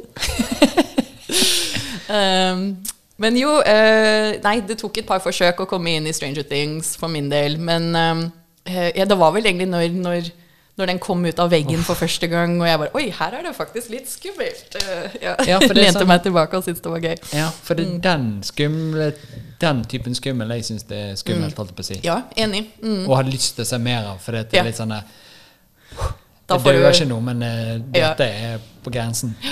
Det får meg til å si, fortelle én ting til. En teori jeg har om hvorfor jeg liker horror, og hvorfor jeg syns flere burde prøve å se litt på, selv om de syns det er skummelt. Um, jeg syns uh, skrekkfilm er et veldig bra utløp hvis du har angst. Ah, Har jeg perioder hvor jeg har, er veldig engstelig, ja. så setter jeg på en slasher. Okay. For da kan du sette deg ned, og da er tankekjøret litt stilt. Ja. For da er problemene på skjermen, ikke inni hodet ditt. Ah. Da er konflikten ikke å, åssen skal vi betale regningene våre? Å, åssen går det med vennskapene og forholdene? Å, åssen går det med jobben? Da er problemet Jason driver og jakter etter Crystal Lake-counselorene. og det er det eneste. Ja. Og du kan sette deg bare i det. For da har filmen en evne til å dra deg så langt inn i den verden Yes. at du rett og slett får deg en liten pause. Og så får du et lite utløp for de engstelige følelsene. Du får de litt ut. Ja. Hvis du blir litt redd av det du ser, så er det på en måte allerede kommet litt ut av kroppen. Mm. Men Føler du da at det kommer seg ut, eller blir så tisse på seg at det bare setter det litt på pause? Eller får har- du det litt mindre prosent etterpå? Hvis, nå er det sjeldent jeg har sett en film som jeg har eh, blitt så redd av, men det skjedde faktisk i den maratonen jeg har hatt nå i oktober. Jeg så Oi. en film jeg måtte pause. Det var det, ja, ja. bare, eh, Og da var det litt sånn der The Ring-elementer med langt, svart hår, og at man går sånn. Og, ja. De ekle bevegelsene. Ja, ekle bevegelser og skumle spøkelsesdamer og svart guffe som renner ut av munnen og hvesing, og jeg bare Det her kan jeg se i morgen. Når det det er lys. Ja, og Magnus er hjemme. Ja. og da var jeg litt sånn wow. Men egentlig, da hadde jeg et lite kick på det. Ja. Og vet du hva, hadde ikke noe angst den dagen der. Fordi da var jeg redd for hunddama. Ja. ja. ja, men da har jo det en god effekt, da. Veldig. Mm. Det, sto, det var også en eller annen artikkel jeg leste at eh, folk eh, som var veldig glad i skrekkfilmer og skrekksjangeren, eh, takla pandemien litt bedre. For vi har vært gjennom så mange apokalypser på skjermen. Vet hva skal skje uansett. ja. Ja. Så vi var liksom Vi var ok med at eh, verden gikk under, fordi vi har sett verden gå under og zombiene komme. Ja. ja. Hva er de beste triksene du har lært fra eh, skrekkfilm? Eh, du må aldri ha sex når du er på hyttetur. Nei? Nei, jeg tuller. For da- For da er du første som dør. Ja, for det er det. Ja, det er jo, så, det er jo mange klisjeer. em, det er mange, altså Horrorsjangen får veldig Det er mange som spør meg Nå hoppa jeg veldig mye rundt, men det er mange som spør meg Å, men Nina, er ikke du feminist? Og så er du så glad i horror. Fordi det er veldig mye sånn Veldig mye pupper og skrikende damer og blod og liksom vulgært. Og litt sånn eksploitativ og kvinner som opplever traumer. Og hvis du ser på mange av de tradisjonelle altså slasher-filmene med de skurkene der, som Mike Myers og Jason Voorhees Så Det er jo egentlig litt seksuelt å holde noe nede og penetrere de, på en måte. Det er jo Ja. mange som tolker det som en seksuell Og nå sa du penetrere, og så viste hun kniv, for de Ja. som så. Ja. yes. Ja. Holde ned og liksom Ja, nå gjør jeg stabbebevegelser. Penetrere. Så det er mange som sier at det er mye seksuell vold som kan tolkes ut av de filmene. Og det er sant. Men samtidig òg Jeg har aldri sett en romantisk komedie som er på en måte markedsført til kvinner og fått samme rushet og innspoen og føl, liksom, beundret tøffheten som det jeg har til Altså typ Jamie Lee Curtis i Halloween. eh, Marilyn Burns i Texas Chainsaw Massacre. Disse final girlsene som på en måte alltid vinner over oh, ja, skurken. det- skurken. Ah, det er en dame som overlever, Ja. og så tar hun noen knerter. Ok, det er mye pupper og mye, mye brutalitet mot kvinner i skrekksjangeren, men kvinnene er også som regel heltene. Ja. Eh, og de er tøffe, og de, de overlever. Og det syns jeg er veldig inspirerende. Ja. Ja. Feminist. Hva Mhm. Ja. betyr det? Eh, For meg så betyr det jo bare at jeg heier jo på damer og vil at vi skal ha det like bra som menn. Mm. Men det Og så altså, heier du på menn òg? Jeg heier på menn også. Jeg er eh, feminist pga. menn i livet mitt. eh, egentlig. Yeah. Det var sånn faren min som lærte meg om feminisme. Yeah. Men moren min som utøvde det, på en måte. Mm. Yeah. Um, men jeg tror altså i likhet med skrekksjangeren så er jo feminisme ikke én gren på det politiske treet. Jeg tror det er sitt eget tre med mange grener.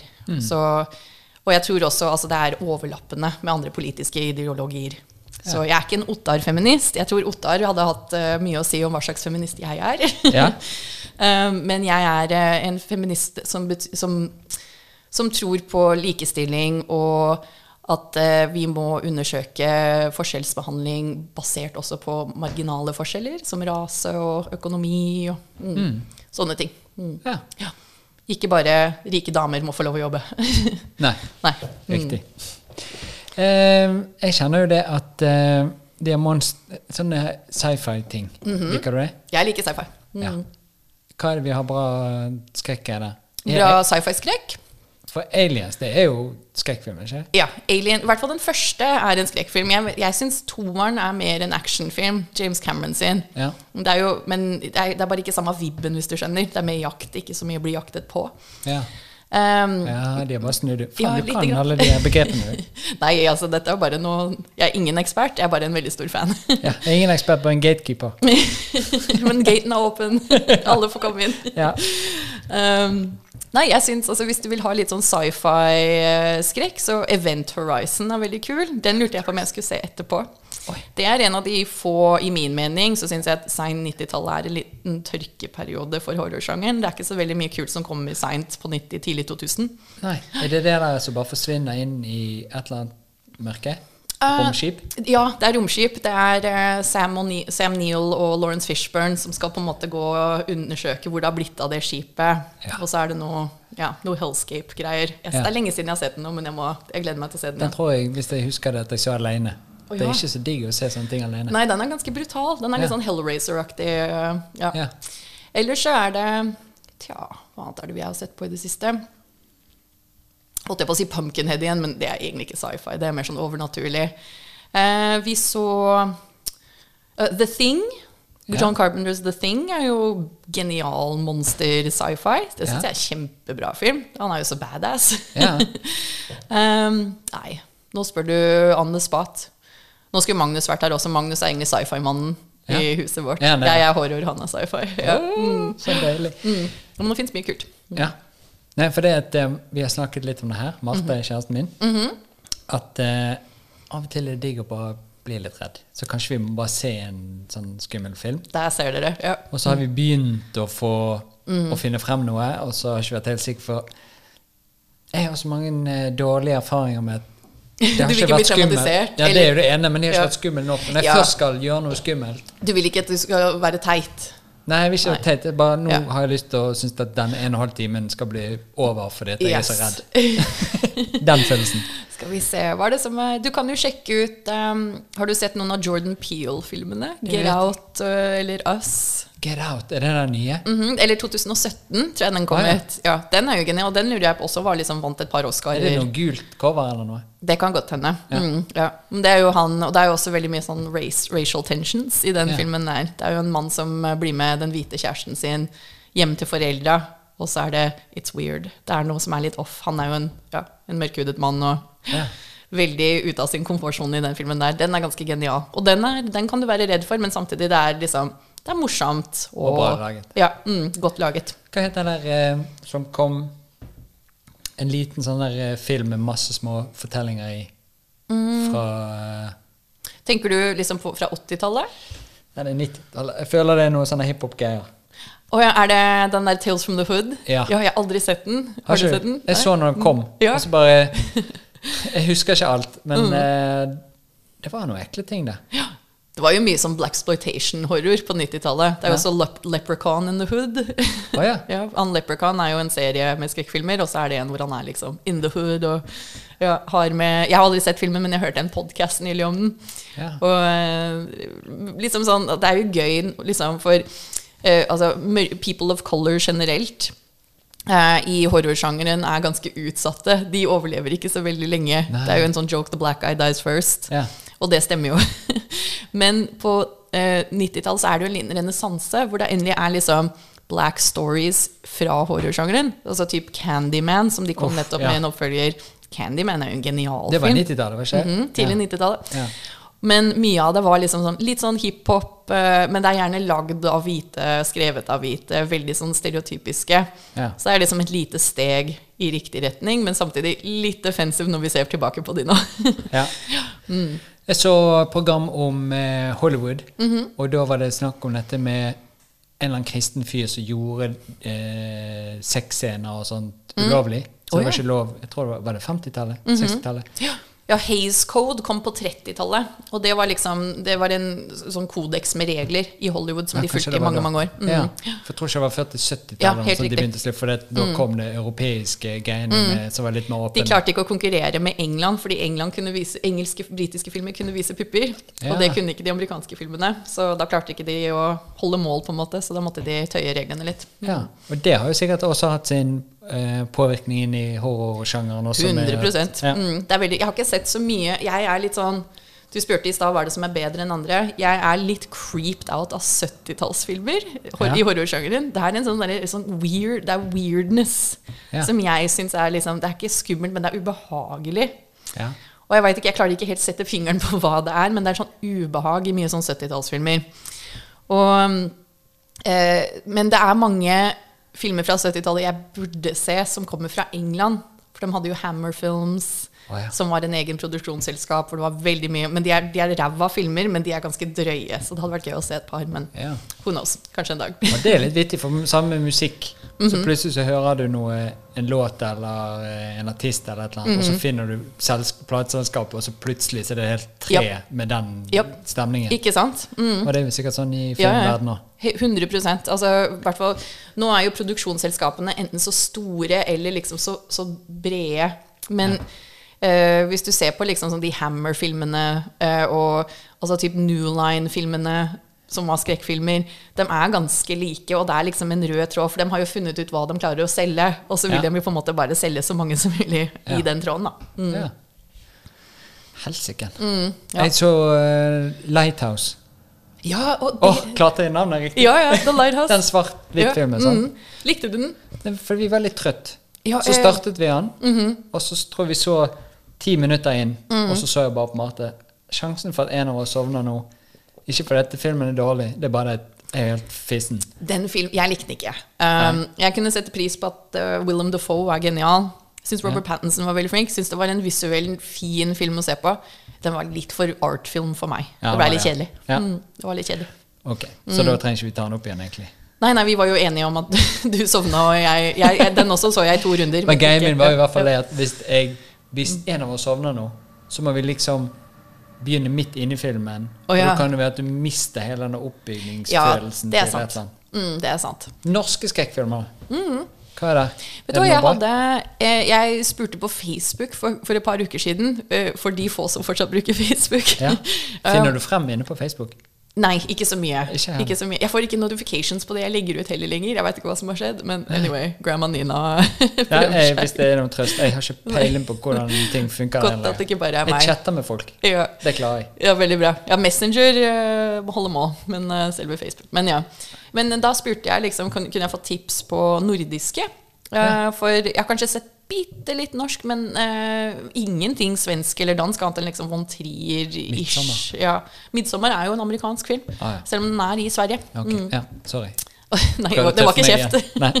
Det var ikke så langt unna. Det var kjent du sparket meg i leggen. Det var faktisk noen som skrev 'Midtsommer' i den tråden, så det var ikke aleine. Ja.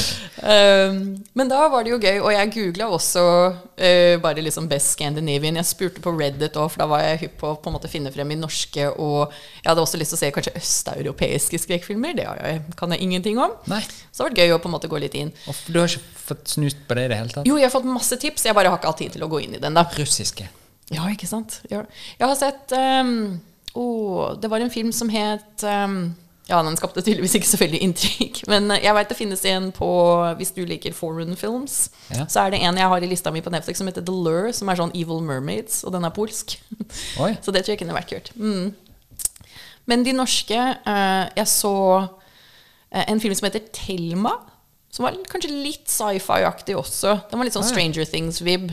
Men okay. før du på en måte Nå spoiler jeg sikkert, da. Men uh, før du Spoil alert, Ja, spoil alert. Bare å spole frem hvis Ja. du ikke har sett Thelma. Uh, jeg tror når du kommer til twisten hvor du skjønner at det egentlig ikke er en skrekkfilm frem Den oppbyggingen frem til da er ganske guffen. Så den er å anbefale. Ja, Litt sånn, Ikke sånn noe jump scares, men mer en stemning-greie. da Ja. mm. Den var veldig kul. Ellers så 'Trolljegeren', 'Død snø'. Men 'Trolljegeren', Ja, er det en skrekkfilm? Ja jeg syns det. En creature-film. Mm, Ja. ja. Den er jo kjempegøy. ja, den er så kul. Det er så gøy. Og Mm. så ble jeg så glad for at eh, ene læreren min i New York Ja.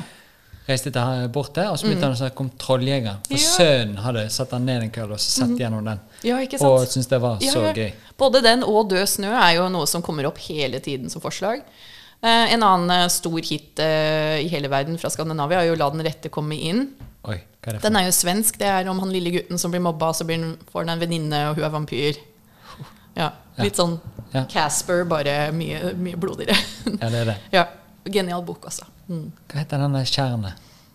Og De døde tjern. Ja. Den gamle, for de har laga en ny en nå, tror jeg. Ja, den gamle. Ja, Har du den, sett den? den der hvor han peker. Ja, for den har jeg sett, og det er en sånn uhyggelig Ja. Mm. stemning. Men det skjer jo egentlig ikke noe ekkelt som jeg kommer på, i hvert fall. Men det er bare sånn her Mm. Jeg lurer på, er det av og til når det er skrekkfilm, og Mm. du merker at det er en sånn psykisk fuck-ups -hmm. som gjør at folk bare blir dratt inn i et eller annet Syns jeg er jævlig ekkelt. Jeg tror at det er mange skrekkfilmer som spiller på kanskje traumer personer har hatt. Det er derfor det er så mye altså sånn som Sånn når det gjelder eh, sånn, sånn exploitation-filmer som jeg ikke er så veldig glad i, da, som Hostel og Så, hvor det er tortur. Og jeg syns også det er veldig vanskelig å se voldtekt og seksuell Ja. vold. Om det er på en måte en del av historien på en fin måte, liksom en del av historien til karakteren, ikke liksom et sjokkmoment, da kan Nei. jeg være med på det. Ja. Men om det bare er altså, voldtekt for å vise voldtekt, det syns jeg ikke er så fett å se på. Nei. Og det er jo fordi altså, Sånn som Texas Chainsaw Massacre. Det er jo en av de skumleste filmene som er blitt lagd. Det er veldig lite blod, og det er ikke noe seksuell vold. Nei. Nei, du skal, Det er er noe av det i de seinere filmene, tror jeg. Men i den første, så altså når, hun, når de har fanga henne, og hun sitter rundt bordet med familien, og de er kannibaler, og alle vennene hennes er døde, så sier hun 'Å, jeg gjør hva som helst'. Og liksom, du skjønner hva hun mener. Men de bare Nei, de er ikke noe interessert i liksom, sex med henne. De vil bare spise henne. Ja. og jeg veit ikke hvorfor det er bedre. Men jeg tror det har. Men jeg tror det har litt å si. Altså meg som kvinne, jeg er ikke redd for å bli spist av en kannibalistisk familie fra Texas. Det kommer ikke til å skje meg. Nei. Men det kan hende jeg blir brutalt overfalt en dag. Ja, det er er skumlere. Mm. eh, Ikke sant? greie. Og da kanskje det er en del av Det, det er ikke en del av escape-fantasien min. Liksom, jeg, blir bare, jeg blir ikke revet med på samme måte hvis det er noe jeg liksom oppriktig syns er fælt å tenke på. Ja. Ja, selv om jeg syns mord og vold er fælt å tenke på det også. Men, Jo, jo, men det har ja. noe med når du klarer å relatere det til deg sjøl, eller Det er noe med det å bare liksom med at det, er, eh, det blir så surrealistisk. Men vold og seksuell vold er ikke helt det samme. Mm. ja. Nå ble jo dette en sånn her eh, film- og serie I know, I love Det it. er nydelig. Ja, Magnus er så glad, for nå slipper han å sitte og nikke når jeg forteller. Men hva sjanger er egentlig Squid Game? Jeg syns Squid Game var mer en action-thriller. Ja. Og da er det jo litt sånn som vi snakka om i stad, om at nå i dag Altså hadde Squid Game blitt laget, Squid Game ble jo laga på 80-tallet, men da het den The Running Man med Arnold Schwarzenegger. Ah, ja. Hvis du har sett den? Nei. Da er jo, det er jo basert på en Stephen King-historie også. Ja. Eh, med at Arnold er en politimann som er eh, frama for, en, eh, for noe han ikke har gjort. Og eh, blir sendt til liksom en sånn reality-TV-serie hvor eh, han blir jakta på. Ja. Og det er liksom prototypen til Battle Royale, Hunger Games og nå Squid Game. da Ja. Men der er det jo på en måte Det er vel kanskje litt vold i den, men det er ikke jeg drev og sa til Magnus hele tiden, at Dette burde ha vært en skrekkfilm, for det er så mye horror-ting du kunne gjort her. Med at han blir jakta på. Det er forskjellige characters som jakter Ja. på han. Eh, Det er mye du kunne gjort. Men Squid Game ble litt samme greia. Litt samme vibben som det. At det er mer sånn action, det er mye morsomt. Men det er bare det er litt vold. Ja. Men det er ikke liksom close up, torturvold. Det er ikke noe at du sitter der og liksom har hjertet i halsen fordi du er redd. Det er mer at du er spent. ja. Så for meg så var det mer action-thriller-sjanger. En Thrillerspenning Ja. istedenfor redd Mm, ja. spenning. Men husk, jeg er også veldig desensitized. Kanskje det er en skrekkserie. Ja. Jeg bare syns ikke den hadde de elementene. Men jeg likte det veldig godt. Jeg syns det var en kul Veldig kult. Ja. Jeg så jo det at Det som jeg gjorde med en gang etterpå, var jo å sjekke om jeg kunne kjøpe sånn joggedress. Mm. Jeg Ja. tror Kosta sa at han hadde foreslått at han og Ingunn skulle ha couples costume. Hva nummer skulle han ha på? vet du? Nei, jeg tror han skulle være en av de røde. Ja, ok. Jeg tenkte på den grønne. jeg. Perfekt. Ikke sant? Ja, ja, de, de var ganske fine. Ja, Mm, jeg likte de. Jeg så de har fått oppsving, de skoene òg. Mm. Jeg, så, jeg lurer på om det var Vice som hadde lagt ut at det var liksom Squid Game og Unnskyld, jeg dunker alltid borti mikken. Ja. Uh, Squid Game-kostymene er jo noen av de mest solgte kostymene nå i. Halloween-sesong i år. Og de bare 'Dette er jo en sånn antikapitalistisk serie', men så tjener de så sykt mye penger på merch. det syns jeg var litt morsomt. Ja. Er det Altså, den her um, ekle filmen Kommer Which one? Nei, den som jeg syns var så ekkel i sted. Å ja, uh, The Ring. The Ring. Ja. Mm. For da er det jo en amerikansk The Ring. Ja, og så er den japansk. Og så er den japansk. Mm, yes. japansk eh, Har du sett den? Eh, den så jeg Jeg tror jeg så The Ring når jeg var sånn 13-14. Og så Den så jeg i USA rett etter den kom ut på video i USA. Ja. Og dette, back in my day så Ja. tok det jo litt tid før de kom ut på video i Norge. I hvert fall på bensinstasjonen i Hurdal. Ja. Men så husker jeg en dag jeg og venninna mi, det var søndag, og vi skulle leie en film. Og så var det liksom det sto The Ring, og jeg bare Yes, her er den jo! Men så var det den japanske versjonen, ikke den amerikanske. Så Oi. vi så på den. Og jeg mener å huske at jeg var litt sånn jeg husker at vi lo litt av at ansiktene var ikke blurra. De var liksom litt mer sånn grimaseansikt. Og, Ja. og så tror jeg venninna mi ble redd, og vi skrudde av. okay. yes. Men jeg har boka i leselista mi. Oi, helsike. Yes. For jeg bare Ja, de som har sett det, vet jo hva som er ekkelt, men det er jo den der, eh, litt det samme som i den der eh, Jeg tror, det er lov å jeg tror det er lov å spoile når den kom ut i 2001. Eller noe okay, sånt. Ja. Nydelig, takk. Men den der Eksorsisten, den heter den hun henger opp Ja. ned i taket, Ja, og det er litt den samme Ja. ekle bevegelsesgreien, og Ja. fjeset og håret, og, Og, og så er det små jenter. Det er liksom det mest uskyldige vi har her i verden. Og når det, er, når det er de som på en måte er det skumle, det er liksom de vi skal verne om. Ja. Og da blir det så mye skumlere når det er de som på en måte skal ta oss. Mm. Og så så jeg en sånn video. Mm. Det var et eller annet, en sånn stor skjerm og noe greier, og så var det noen sånn eh, greier under skjermen, så satt det masse folk på, på Mhm. stoler og skulle se. Og så så de på Jeg tror ja, de så vel sikkert på The Ring. Og så Ja. ut fra under skjermen så kom det en sånn uh, jente kledd ut som det, og folk That's how you get punched in the face. Folk- Hvis jeg sitter der. datt jo bare bakover i stolen og fikk jo Ja. helt uh, dunderen. Det er 100% sånn du blir boksa i trynet hvis Ja. jeg sitter der og det kommer noen. Ja, no thank you. Uh, Dattera mi er litt pranket av seg. Vi så The Babadook. Oi? Eh, Den kom ut, den australske, 2014. Uh, Den, den kan også sjekkes ut hvis du har litt sånn kvalitet, og det faktisk er skummelt, men ikke teit. Den, det kan, den kan kanskje du og kjæresten din. Barber? The Babadook. Babadook. Babadook. yes. Hva betyr det? Det er bare navnet på uh, monsteret. Ok. Eh, en liten, det er en mor som har mistet mannen sin. En liten gutt som er jeg tror, eh, han er på spekteret, kanskje autist. Og han er veldig vanskelig. Uh, veldig low function Er det det man sier? Low functioning autist? Man sier high functioning hvis det går bra. I hvert fall. Jeg, Nå som er English inni her. Unnskyld, unnskyld til alle der ute. Men um, hun, hun sliter i hvert fall, da, og hun er utslitt og sørger og klarer ikke knekte til barnet sitt. Og en dag så får de, kommer sønnen og sier 'Mamma, kan du lese denne boka her for meg?' Ja. Og hun bare 'Hæ, hvor har du fått den boka her på?' 'Nei, den sto på trappa'. Og så leser hun, så er det sånn fucka barnebok som handler om The Babadook skal komme og ta deg, da. Okay. og hun bare 'æsj', og så prøver hun å kvitte seg med boka, men boka kommer, dukker opp igjen. Ah. Og så er det jo selvfølgelig en presence i huset. Eh, men det er jo også en film som uten å spoile for mye, en film som handler veldig om sorg og det å være forelder og forhold. Og Det er mye mer enn bare liksom en monsterfilm som anbefales. Men den er også scary as hell. Han er det, ja. ja, Den skremte meg veldig første gang jeg så den. Og jeg så den igjen med dattera mi, og I don't know, et eller annet med han, og han har jo sånn øh, stemme. Det creepa meg veldig ut. ja. Bare det du gjorde der. Yes, jeg Bare vet hårene Yep. Så eh, etter vi hadde sett den, dagen etter vi skulle vel ut en tur, og så har vi alle jakkene våre som henger i eh, gangen, og jeg fortalte dattera mi at Shit, jeg våkna for å gå på do i natt, og så skvatt jeg, for jeg var helt sikker på at det der var Babadook. Så gikk jeg for å hente noe, og så kom jeg tilbake i gangen, og så står dattera mi liksom bak jakkene og holder i ermene, og så sier hun 'Babadook, mamma'. Åh, og vet du hva? Det var skummelt. Det var det. ja. Så det er gøy med sånt. Mm. Greit, men da skal vi notere oss den. Yes, David den. Lynchen, da. Mm, David Lynch liker jeg veldig godt. Ja. Eh, er det noe jeg nesten ikke er glad i som horror, så er det jo Nicolas Cage. så Ja. en av mine all time favorittfilmer er Wild at Heart. Oi. Ja. Hva er det med han som du er så glad i? Åh, mye How much time you got? Hva er Du det? kan få det du vil. Vi sitter der til i morgen, og jeg bare snakker om Nicolas Cage.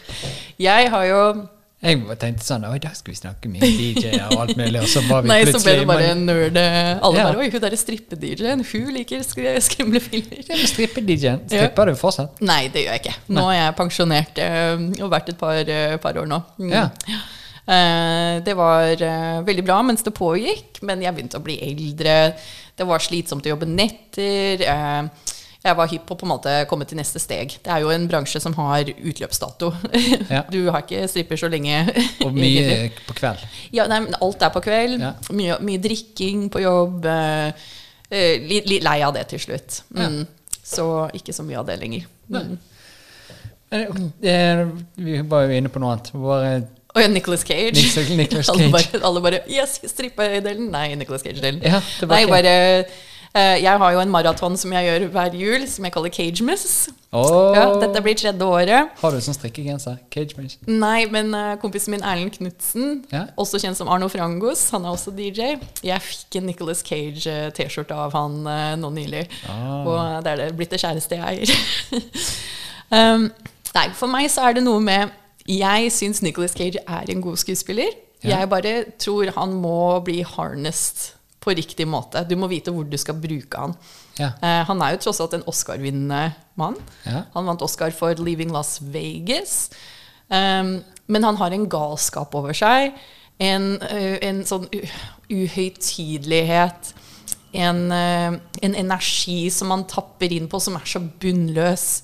Um, det virker som om han på en måte ikke gjør noe som han ikke vil selv. Og jeg bare, jeg, jeg, uansett hvor dårlig film Noen filmer han er med i som er veldig bra, men Face Off. Face Off, yes.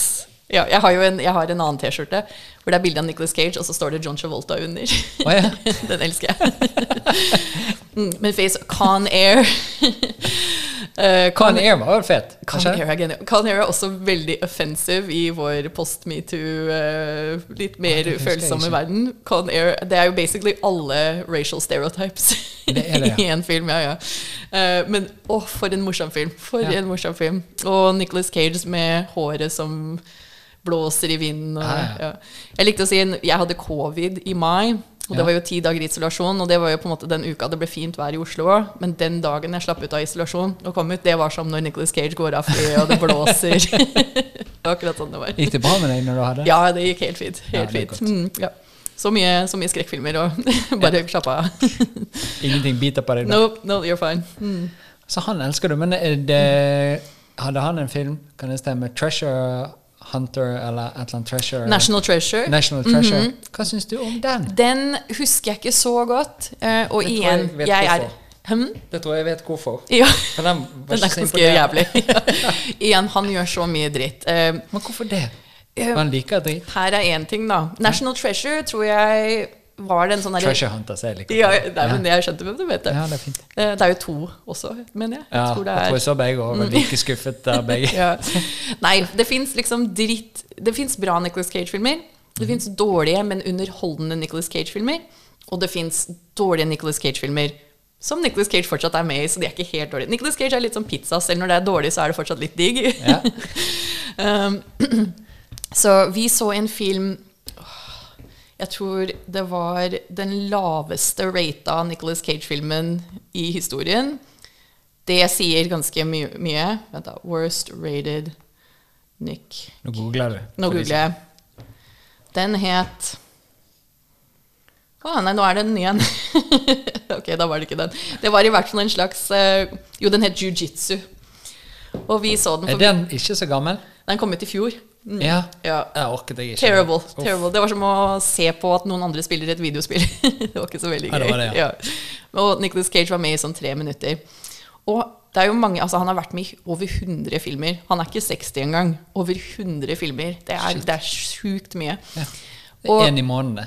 Det er én i måneden. Ja. Og så er det sånn 50 av de er de siste fem åra eller noe sånt. Ja. Men jeg har jo funnet ut Nicholas Cage gikk på en skattesmell. Nicholas Cage er glad i å handle ting til seg selv. Han Ja. har kjøpt mye slott og mye første utgaver av tegneserier. Og han er glad i fashion og klokker. Og Niklas, vet Så du. eh, Nick eh, betalte ikke eh, skatten sin. Nei. Fikk heftig smell. Så teorien min er at han driver og nedbetaler futen. Ah. Det tror jeg. Mm. Mens Wesley Snipes måtte inn og sone. Hva er forskjellen på Wesley Snipes og Nicholas Cage? Jeg, jeg vet ikke. Nei, ikke? Så har du det. Ja. Faen, altså. ja. Så nei, men eh, åh. Ja, ok, eh, Så da gjorde jeg rett valg. Det er ikke vits å se den uh, jiu-jitsu. Nei, er du gæren? Se heller. Altså, uh, Nicholas Gate har vært med i et par horrorfilmer som har kommet de siste årene, som har vært briljante. Monsterhorror. Nei, uh, det er Mandy som var litt sånn David Lynch Hellraiser-aktig. Den hadde kanskje vært noe for dere. Den er super trippy og uh, jeg, jeg, jeg kan ikke beskrive den. Jeg kan sende deg traileren etterpå. Ja. Eller så er det en film som heter Color Out of Space, som er litt sånn Lovecraft sci-fi. Det var jo en Oi. som kanskje var noe for dere. Det var den serien som gikk. Nei, det er en uh... Faen, jeg prøver meg igjen. Unnskyld, nei, du har Lovecraft eh, Country var en serie som gikk. Ja. Men Lovecraft eh, det var en skrekkforfatter som Jeg lagde er så glad for at du henter meg inn igjen. For jeg Det ut meg et tråkker jo øyeblikk. ut Jeg trodde jeg sa tiden. feil et øyeblikk, men eh, ja. Nei, Lovecraft, H.P. Lovecraft var jo en forfatter på okay. tidlig 1900-tallet Ja. som skrev disse kosmiske horrorhistoriene. Mye monstre, mye andre dimensjoner med tentakler som kommer ut. Ah. Veldig mye kult. Så Ja. Colorado Space er litt sånn, da. Mm. Den serien som jeg snakket om, da. Mm, genial. Jeg elska den. Jeg den. Ja. Var det to sesonger? Bare én. Den ble ikke fornya. Mm, så det kom en i fjor, og det kommer ikke noe flere. For det var noen monster eh, og ting som kom opp på bakken. Og, Mhm, og noen demoner, og, og det var noen spøkelser der også. Men flyttet de ikke inn til byen? Og så bodde de i et hus? Jo Var eh, det også sesong én? Ja, det var det. For det var litt sånn antologi. Det var litt sånn Monster of the Litt sånn som med Buffy, at det er liksom én historie som er den røde tråden, og så dukker det opp forskjellige monstre hver episode. Liksom nye utfordringer. Det var litt sånn det var. Og så inn i den der zzz, Ja, stemmer det. til et Mm. annet sted. Ja. ja, shit, den skal jeg se igjen eh, nå snart. Det var litt lenge siden nå.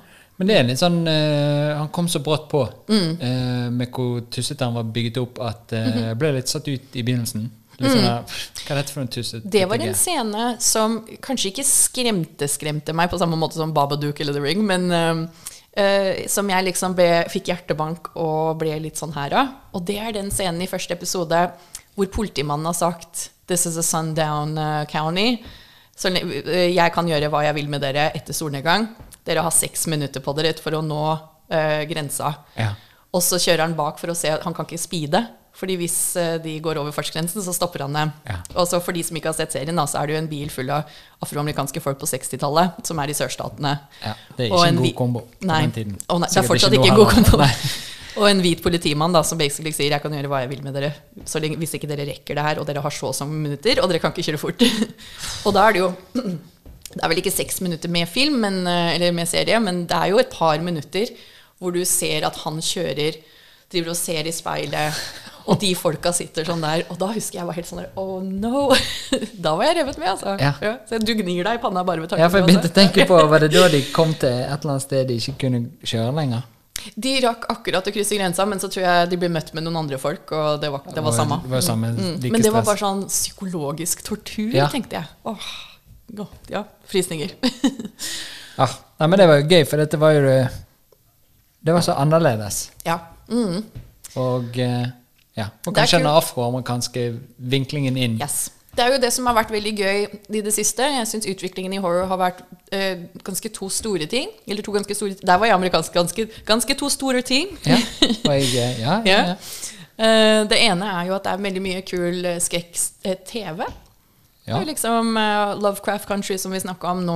uh, American Horror Story. Det er jo litt sånn opp og ned i kvalitet, men det er jo fortsatt gøy for horrorfans. Ja. Eh, før det så var det liksom ikke så mye horror-TV. Det var jo liksom filmer, men det er jo gøy å ha noe som du ser over tid. Det andre er jo Altså, altså den afroamerikanske Jeg pleier egentlig å si black, men jeg veit aldri hva jeg skal si i Norge. Eh, men afroamerikanske innflytelsen eh, i skrekksjangeren syns jeg også har vært veldig kul å se. Det har vært interessant å se liksom forholdet mellom eh, horror og rase. Ja. Og hvordan du kan på en måte eh, hvordan, Litt sånn som at jeg snakka om at seksuell vold er veldig triggende for meg. Det kan jo hende at rasisme kan være veldig triggende for andre. Absolutt. Så det, det. det er jo det som er så vittig, for vi er jo Det er jo så lett å bare se ut ifra sitt filter. Ja, ja, ja. Og så er jo det tusen forskjellige øyne som ser Yes. på samme tingen og opplever det på Så er det jo noen ting som er universale, men det er jo andre ting som er litt mer spesifikke fra person til person. Mm. Så alle er jo redd for å på en måte bli spist av en bjørn. Hvis det, ingen vil det, i hvert fall. Men eh, det kan jo hende at du, du får ikke samme reaksjon når du ser en politimann eh, som en person som er mørkere i huden i USA ville fått. Ja. Kan Eller bare i Oslo. ja. Eller kan hende jeg ikke er Eller kan hende hvis vi hadde vært ute på gata hver for oss seint om kvelden, om du ser en full mann gående, så er ikke du redd for de samme tingene som kanskje jeg blir redd for. Så det, det er veldig fascinerende hvordan man Ja, kan det er. bruke det. da. Ja. Mm, og Akkurat den samme situasjonen, akkurat samme greien, men, Men med to forskjellige øyer. Ja. Mhm. Vet du hva jeg kom på nå? Mm. I perifert syn mm -hmm. på veggene, så er det et sånt fint bilde okay. som er rødt, og så er det eh, sånn rønning inni. Ja. Har du sett på det? Nei, jeg har ikke sett på det nærmere. Det lyser i mørket, og så er det sånn horror movie eh, med masse filmer. Der kan du se på etterpå, Oi, for jeg kjenner ikke igjen en dritt. Men det er bare så gøy at det lyser om natten. Det står ho- Horror Star Chart. Det er Ja. kjempetøft. Så den kan du få kose deg med litt Det etterpå. skal jeg gjøre. Jeg skal ta et bilde av den etterpå. Og det er jo vittig. Mm. For det er jo også, nå følte jeg litt sånn eh, Men vet du hva, der begynner du. Det er der neste gang du skal se noe skummelt, så bare ser du Da på viser du med hvor jeg begynner. Om jeg begynner øst. Mhm. Ja, for er det liksom hvordan de sam henger sammen? Nei, vet da faen. Nei. Det finner du kjapt ut av. Det kan, kan jeg ser. Astrologi. En av de beste gavene jeg fikk til bursdagen min i fjor, var bestevenninna mi som hater alt som er skummelt. Hun ser ikke Buffy engang. Altså, hun nekter alt som er skummelt. Ja. Eh, hun har dessverre fått bli med meg på en par runder med film, og Ja. alltid blitt sinna etterpå. Men hun er en veldig oppmuntrende og supportive venninne for det. Så hun hadde gitt meg Hun hadde bestilt på Wish. Så det som egentlig skulle være et teppe, ble bare et sånn lite hundeteppe, men jeg er så glad i det for det. Ja, for Og det, så var- stort ut på internett, og så Ja. var det lite. Hun glemte liksom trykke på den store størrelsen. men jeg, skal, jeg må finne et sted å henge det opp. Hun, jeg fikk også Nicholas Cage-putetrekk samme bursdagen, oh, men dette var enda bedre. Og bare da- for så lenge jeg venter på en sånn her uh, Back to the Future-pute. Nice. Ja. nice. We don't need roads. Um, nei, men på, den, på det teppet så står det 'I love horror', og så er det bare masse Altså sikkert 40 forskjellige horrorfigurer. Så det er liksom Pennywise og Freddy Krueger og alle sammen. Til og med Samara fra The Ring er Oi. på. Ja, mm. Så du bare Du kommer ikke på besøk. Ikke det helt? Nei. Snakes on the Plane, hva er det for noe? Åh, den er det lenge siden jeg har sett. Er Eh, det skrekk? Det er en B-film. En action-B-film. Jeg syns ikke det høres så veldig skrekket ut. Men igjen, eh, jeg må se den på nytt for å være helt sikker. Jeg hadde en opplevelse. Mhm. Da var vi jeg hadde en opplevelse. Ja, jeg bare Nå har det vært noe noen slanger på flyet. Ja. Vi var Jeg tror vi var fem showmier som Mhm. var på kino. Stor kinosal. Og Mhm. så satt jeg ytterst av alle fem. Og så satt det to jenter ved siden av meg. Nice. Og så sitter vi der, og så er det der Snakes on a Plane, og det var jo ganske De viste det på flyet? Nei, dette var ikke på, var på en kino. Å ja, oh, ja, er på kino. Unnskyld. Mm. Nei, men det hadde vært gøy hvis det Ja, var på flyet. Ja, det var meta. Ja. Og så sitter vi og ser på filmen, og så er det jo Det er jo ekkelt med de slangene, men det er jo ikke en bra film. Så er det litt sånn ah, Er det nøye, da? Og så er det mye styr med de slangene og et eller annet. Og så tar hun jenten som sitter ved siden av meg, og mister godteposen sin og treffer meg på ankelen. Ok. Og jeg Og når jeg skriker, så skriker jo hun. Så satt, Satt meg og hun og skrek helt stille i salen. Ingen annen syntes det var ekkelt. Men det var bare en liten sånn utløser. Og Ja. da satt jo jeg egentlig og tenkte for noe drit, at det ikke er ekkelt engang. Og så bare en liten godtepose på ankelen, og så bare Det minner meg om altså, Jeg gikk jo på um, high school i Syracuse et par år. Ja. Og i en veldig, uh, veldig multi-flerkulturell skole. Og uh, jeg tror vi var noe sånt som Det var kanskje 30% hvite elever. Og så alt mulig alle. Det var folk fra Albania der. Det var altså, mørkhudede der. Det var indianere som gikk der. Det var virkelig liksom barna regnbuen high. Ja. Så det var veldig kult. Altså, jeg kom jo fra kritthvite bygde ungdomsskolen med 90 elever til liksom 1200, og det var literally everybody was there. Ja. Veldig, veldig kult. Men det som var så gøy, altså kompisen min Henry vi, eh, vi pleide å kalle oss selv eh, The Biracial Betties, fordi jeg hadde jo brun pappa og hvit mamma. Det hadde han også. Han hadde jo svart pappa, hvit mamma. Og så var det venninnen vår Reina som var latinamerikansk pappa og hvit mamma. Biracial Betties. Oi. Og Henry var en uh, veldig fabulous uh, homse. Han er Han er ikke død. Nei, fortsatt fabulous. yes. Ja. Og jeg tror det var Jeg husker ikke om det var teater vi så, eller om det var en film på skolen. Men det var noe som var skummelt, og mye litt sånn skvetting. Og så Det som er veldig gøy med å gå på en skole hvor det er mye flerkulturelle folk, er at det er liksom den derre hiphop-greia med at det er mye mm-mm, mm-mm. Ja, ja. Og alle sier det, ikke bare en spesifikk gruppe. Men jeg husker det var liksom et eller annet vi så på hvor det var mye skvetting, og da sa folk mm-mm, eller du hørte Liksom oh, ja. at du sugde på tenna. Ja. Og Henry snudde seg og så på meg og sa I swear to God, if I hear one more tooth suck Da ble det kokte det over. Mm. Så, det, folk reagerer forskjellig. Veldig. Yes. Mm. Helsike. Var Dere skriker litt, og så resten uh, sugde på fortenna. Ja. Var, jeg var eh, også på kino i Jeg husker ikke hva film det var, men det var eh, Jeg var lenge i Hongkong, og så var jeg aleine. Og så tenkte jeg bare Hva skal jeg gjøre i dag? Det, det er liksom bare det samme hver dag nå, så nå stikker jeg på kino. Så skulle vi se en film, og så har jeg kjøpt billetter til feil. Mm -hmm. oh. yeah. Og så hadde hun, eh, sjefen på hotellet sagt at hun også ville være med på kino. Ja, ja, Hun lurte på hva jeg skulle. så jeg skulle på kino. Konge. Så da gikk vi. Og det var da en eller annen asiatisk skrekkfilm. Mm. Nei, det var det. Nå lyver jeg. ja. Det var en eh, ikke-asiatisk skrekkfilm. Nei. Eh, Tiptoe eh, Uh, Insidious.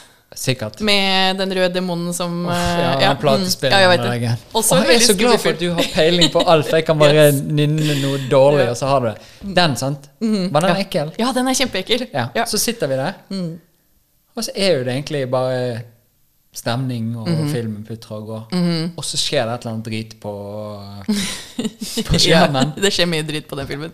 Og så har jo ikke jeg lest på billettene til sånn risteseter. Nei! Og i helsike, så ristet du jo det. Og det var ikke sånn at de ristet litt i starten, sånn at du ble vant til at Du, det var det var den der, der De bare du ventet til det var kjipt, og så ristet du hele driten. Hun der eh, hotelldamen ja. tok meg i armen og knep, og folk hang jo i eh, taket og skrek, for alle fikk jo det ristet. oh, sant? Og folk fader, dret jo ja. i buksene og var helt jævlig. Og da kom jeg om morgenen etterpå Jeg får ikke slett blåmerker, men da hadde jeg fingermerker rundt hele armen. Vet du hva, det var ikke fra henne, det var fra de spøkelsene i Åh. den filmen. Og så fant jeg den låten. ja. Jeg begynte å google den låten. Ja, jeg fant vet den. det. Mm. Ganske creepy han fyren som har laget den låten. da. Å ja, hvem er det? Vet ikke. Nei. Google. Tiptoe Through the Daisies. For, fordi Ja. den, den, Jeg visste akkurat hva du mente. Jeg har bare sett den to Det ganger er en litt høy fyr som jeg tror egentlig han ikke var så flink Tiptoe Through the Tulips. Ja, Tiny Tim. Tiny Tim, ja. Han er ganske Nei takk. sånn? Så han er jo like skubben han som Han ser ut som en skrekkarakter. Og så begynte jeg å se noen videoer med han, og det er et eller annet eh, fy faen! Han ja. ser ut som en For de som hører på, han heter Tiny Tim. Han ser ut som Weird Al i en David Lynch-film. Ja. Han har liksom langt, litt bustete, krøllete hår. Gule tenner. Og så spiller han ukulelen sin og synger at han Han er død, heldigvis. Å ja. Er det lov å si? Ja, akkur Ja, ok. ja. Akkurat nå. Bare fordi han var en villain. Nei, 100% nei. Jeg skjønner det godt. Wow. Ja, der fikk du med meg også, faktisk, på at han var veldig skummel. Ja. Uh. Uff a meg. Ja, nå er det så mye eh, følelse her med skrekk. Jeg tror det blir det i kveld. Ja, ikke sant? Min søster kommer på besøk. Ja. Aner ingenting.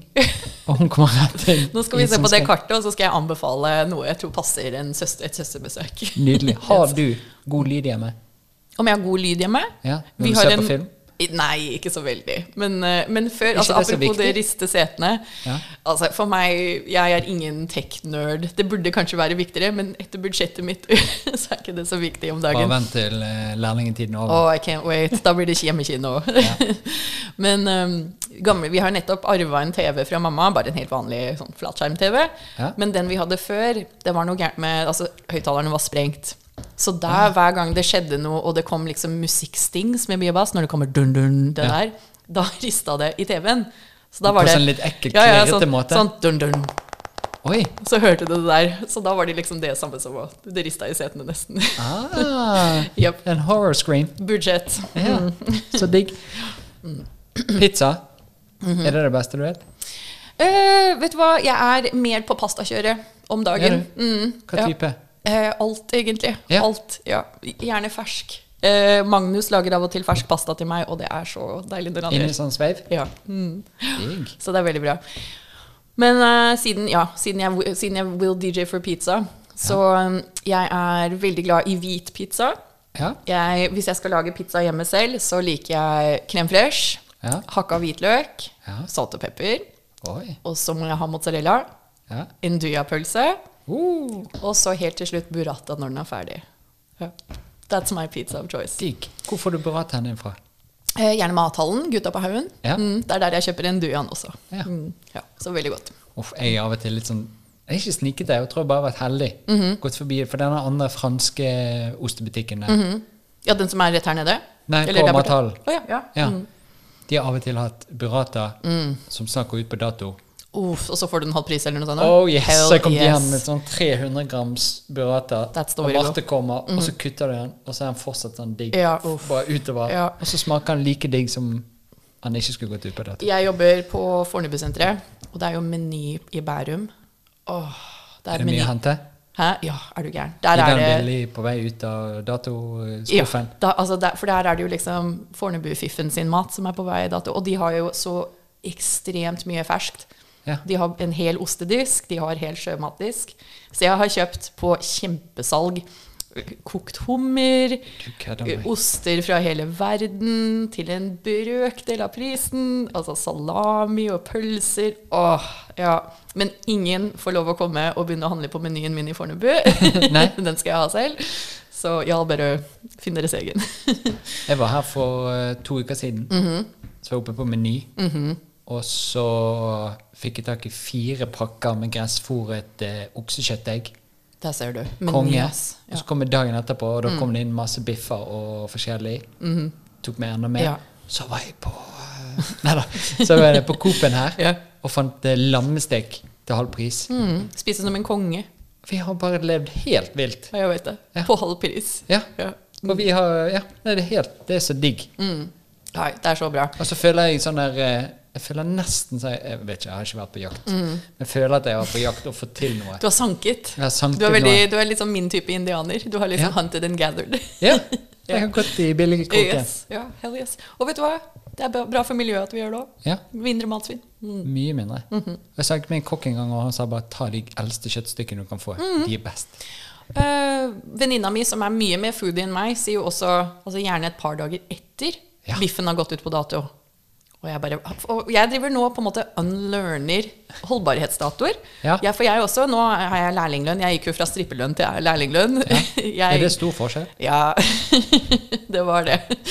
Altså Ikke det at jeg var den rikeste stripperen i verden, men lærlinglønn er så bra betalt er lærlinglønn. Um, men eh, Så nå må jeg på en måte være litt smartere med at jeg kan ikke bare spise ute hele tiden. Jeg kan ikke spise Foodora hele tiden. Jeg, må, jeg er blitt mye flinkere til å lage egen mat. Men jeg har også liksom Jeg har ikke lyst på Ikke for å rakke ned på First Price, men jeg vil gjerne ha litt etisk på, på maten min, og litt, Ja. litt, litt kvalitet. Og ikke bare spise det samme hver gang også. Ja. Prøver å Bortsett tenke fra pasta. Det kan jeg ta hver dag. det kan jeg ta hver dag. Ja. Men da skal det være bra pasta. det, er mye, eller det er ikke så mye First Price-pasta som går ned i meg. Nei. Men, um, Eh, jo, så jeg prøver å liksom unlearne det der med Ok, hvis den gikk ut i går, så er den dårlig. Ja. Nå er det mer sånn Nå kan jeg lukte på den, if it's fine, it's fine. Regelen Ja. min er hvis du må tenke over det, så, går det, så ikke gjør det. Ja. Hvis jeg ikke tenker over det, så går det bra. Mm. Jo, men det er jo det du sier at vi må lære det på nytt. For det, at det sitter jo så langt inne Ja. gjennom hele oppveksten.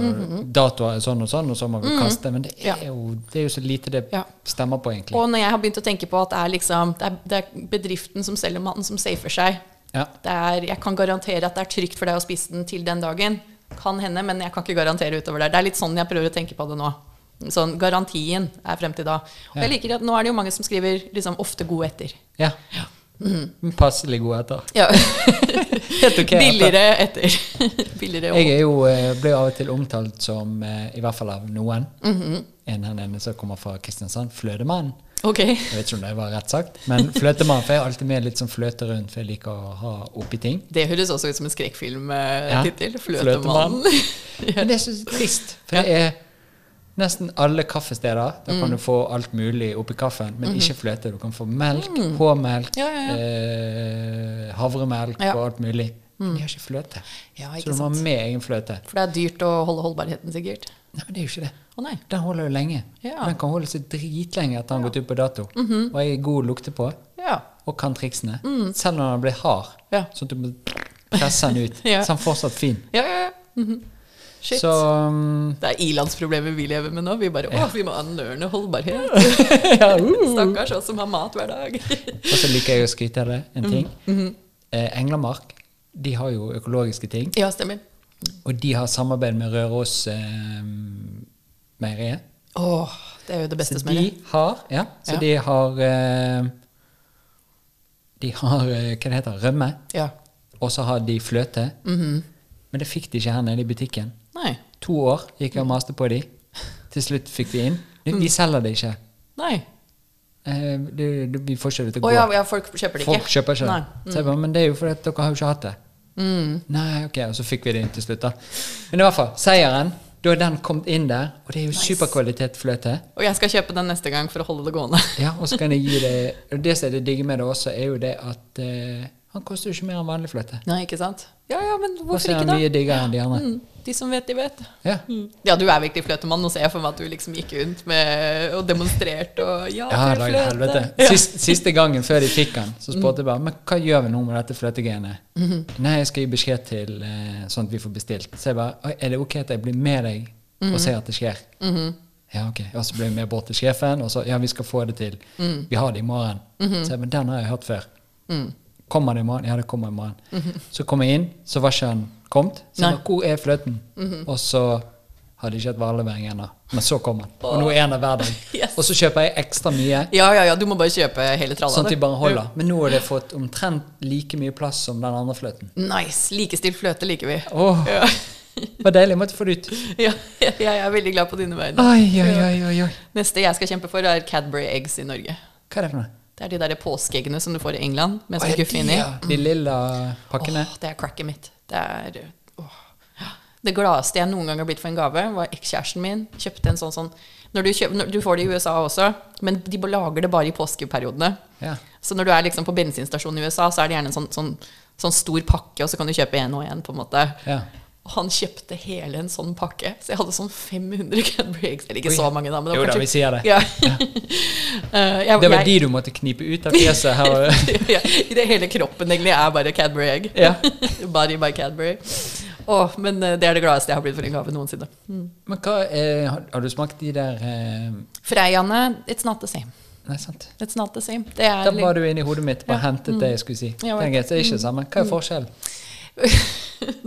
Jeg syns Cadbury er mer fondant, mens Ja. eh, Freia er mer Dette har jeg nemlig tenkt på. De er liksom sånn, sånn Hva skal jeg si Det er mer en krem. Mm, Stiv er krem. Mm. Ja. Jeg liker veldig godt de Nidar-påskeeggene. De syns jeg er gode, men det er fortsatt ikke Cadbury Egg. Okay. Det kan hende også at jeg egentlig overhyper Cadbury Egg i hodet mitt. Dette er liksom en barndomsgreie. Kan hende vi hadde spist det i dag og bare øh. Nei, men jeg husker det fra når vi reiste en del i England da jeg var yngre. Så, Å, så men der har jo de det året rundt. Nei, bare Åh, påsketider. Tro meg. Tro Jeg meg sånn følelse Du Kanskje jeg alltid var der i påsken, da. Kanskje. Men kan, også, jeg husker du sa at du kunne finne de om sommeren. Men det var liksom hvite Det- utenpå sjokoladen. Yes, helt riktig. Cadbury eggs var var egentlig inni hodet ditt. ja, mm, det var akkurat det det var, og så er det halv pris. Der var det ikke noe sånn best før-dato på. Der var det bare good luck. Ja, vi tar ikke noe ansvar for den greiene. Ja. Den maskinen som ikke er så fin å se på der, Mm. det er en maskin vi bestilte i juni. Hva slags maskin, Hva slags maskin er det? Ismaskin. Nice. Ja. Kremis. ja, ja. Bruker dere den? Ja, vi fikk den nå i september, men jeg bestilte den i juni. Og så var det et eller annet pga. den båten nede i kanalen som sto feil vei Ja, ja, sidelengs. Så kom jo ingenting opp. Nei, stemmer det. Eh, så det endte med at jeg fant en app der jeg kan leie en sånn maskin. Så leide jeg Ja, ja, ja. først en da betalte 300 kroner for tre dager, og så fant jeg en annen som leide ut for 35 kroner dagen. Sweet. Problemet når du leier den, er at Mm. du må lage is hver dag. For du får jo panikk for at det er bare en kort greie. Ja, ja, ja, vi visste jo ikke om denne kom. Nei, nei. Og så kom den nå i slutten av september. Nei, den kom i oktober. ja, Ja, så vi har nettopp fått den. da må dere lage halloween-is eller noe sånt. da. Ja, Og nå har vi lagd regler. Mm. Det er bare i helg. Vet, ja, fordi det ble så mye is. Ble helt begete. Sånn som når du snakket om eh, boble i glasset ditt. Ja. Du ble liksom Ja, pløsete. i- pløsete Ja. Klin inn på en eh, liter med is hver dag. Ene dagen så hadde vi is til frokost, Mm. lunsj og så middag. Magnus hadde en periode hvor det var salg på kronis på Coop. Oh, sånn. First Price, eller det var sånn, sånn, sånn Coops versjon av First Price eh, kronis. Ja. Og det kosta sånn ti kroner pakka eller noe sånt. nå. Hele fryseren var full. Jeg liker ikke kronis, så det var null stress for meg. Og sånn, jeg våkner som regel før Magnus. Magnus jobber mye mer kveld, og jeg jobber mye mer morgen. Og så var det sånn Du, kan du hente en is?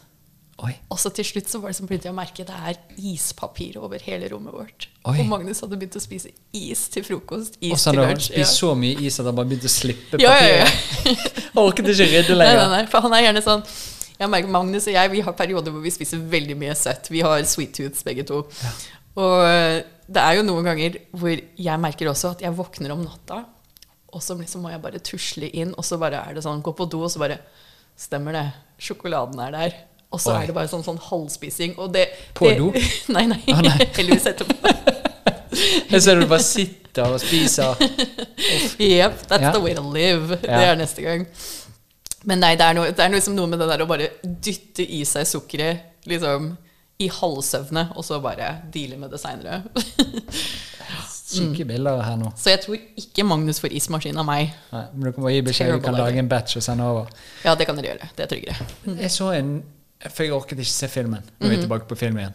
Vi skal runde av snart. da. Men det var så mye gøy å snakke om ennå. Ehm, det var jo en fyr som sydde sammen en del folk. Human Centipede. Oh. Ikke sett den. Det er torturgreia som er ja, grensa og der tror ikke jeg klarer det. For Nei. det var så vidt jeg klarte å se ferdig uh, traileren. Jeg har hørt, jeg hører jo mye på skrekkfilm, eller filmpodkast generelt. Ja. Og um, den, den kommer opp mye, da. Eh, Jeg, har jo, jeg hører på to podcaster som er spesifikt om eh, litt sånn litt dårlige filmer. Ja. Recapper og at Det er komiprogram om film. Den ene heter We Hate Movies. Den andre heter How Did This Get Made. Geniale, begge to. Ok.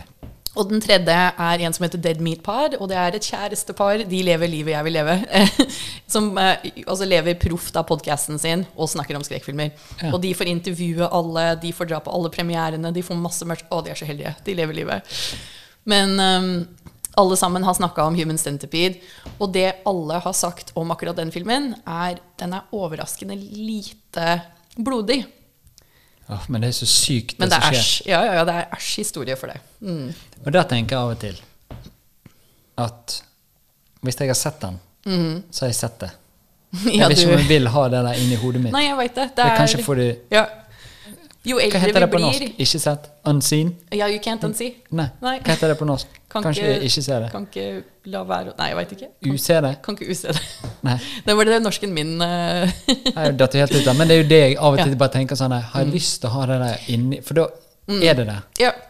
Jeg er sånn, Hvis det er filmer jeg tror jeg ikke kommer til å se, men jeg vil på en måte jeg vil være liksom, er Sånn som Human Centipede det er jo på en måte en del av the canon, hvis du skjønner. Det er jo en stor del av sk skrekkfilmkulturen. Ja. Det er jo på en måte en del av Sånn som du viste meg den plakaten din. Ja. Den er jo sikkert på stjernehimmelen der, men jeg har ikke nødvendigvis lyst til å se den, selv om jeg vil være så oppdatert som jeg kan. Ja. Jeg leser plottet på Wikipedia. Ja. Da kan, har jeg liksom sett hele historien uten å måtte på en måte være ja. Du trenger ikke Nei, detaljene. jeg trenger ikke være eksponert for det.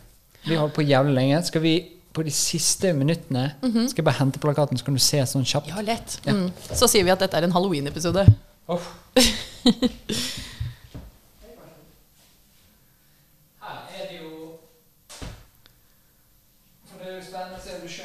Mm -hmm. oh, wow! Her går det Dette var mye klassisk. Ja. Å, oh, kult. Ok, så sånn jeg har skjønt det, er at det er skuespillere som også connecter til andre filmer. ja, så laget stjerner Ja, sånn som her er det Friday the 13th, som Kevin Bacon er med i. Det er det ikke så mange som vet. Som er connecta til Adrian King. Dritt at Kevin Bacon er over Adrian King. Det er hun som er hovedmannen, eller hovedrollen der. Tenk hvis Kevin Bacon er vegan. Tror du det? Kevin vegan. Det er genialt hvis han er. Ja. Det blir som om jeg blir Nina Ikke skummelt. Nei, jeg vet ikke. Her er det faktisk veldig mye jeg ikke har sett.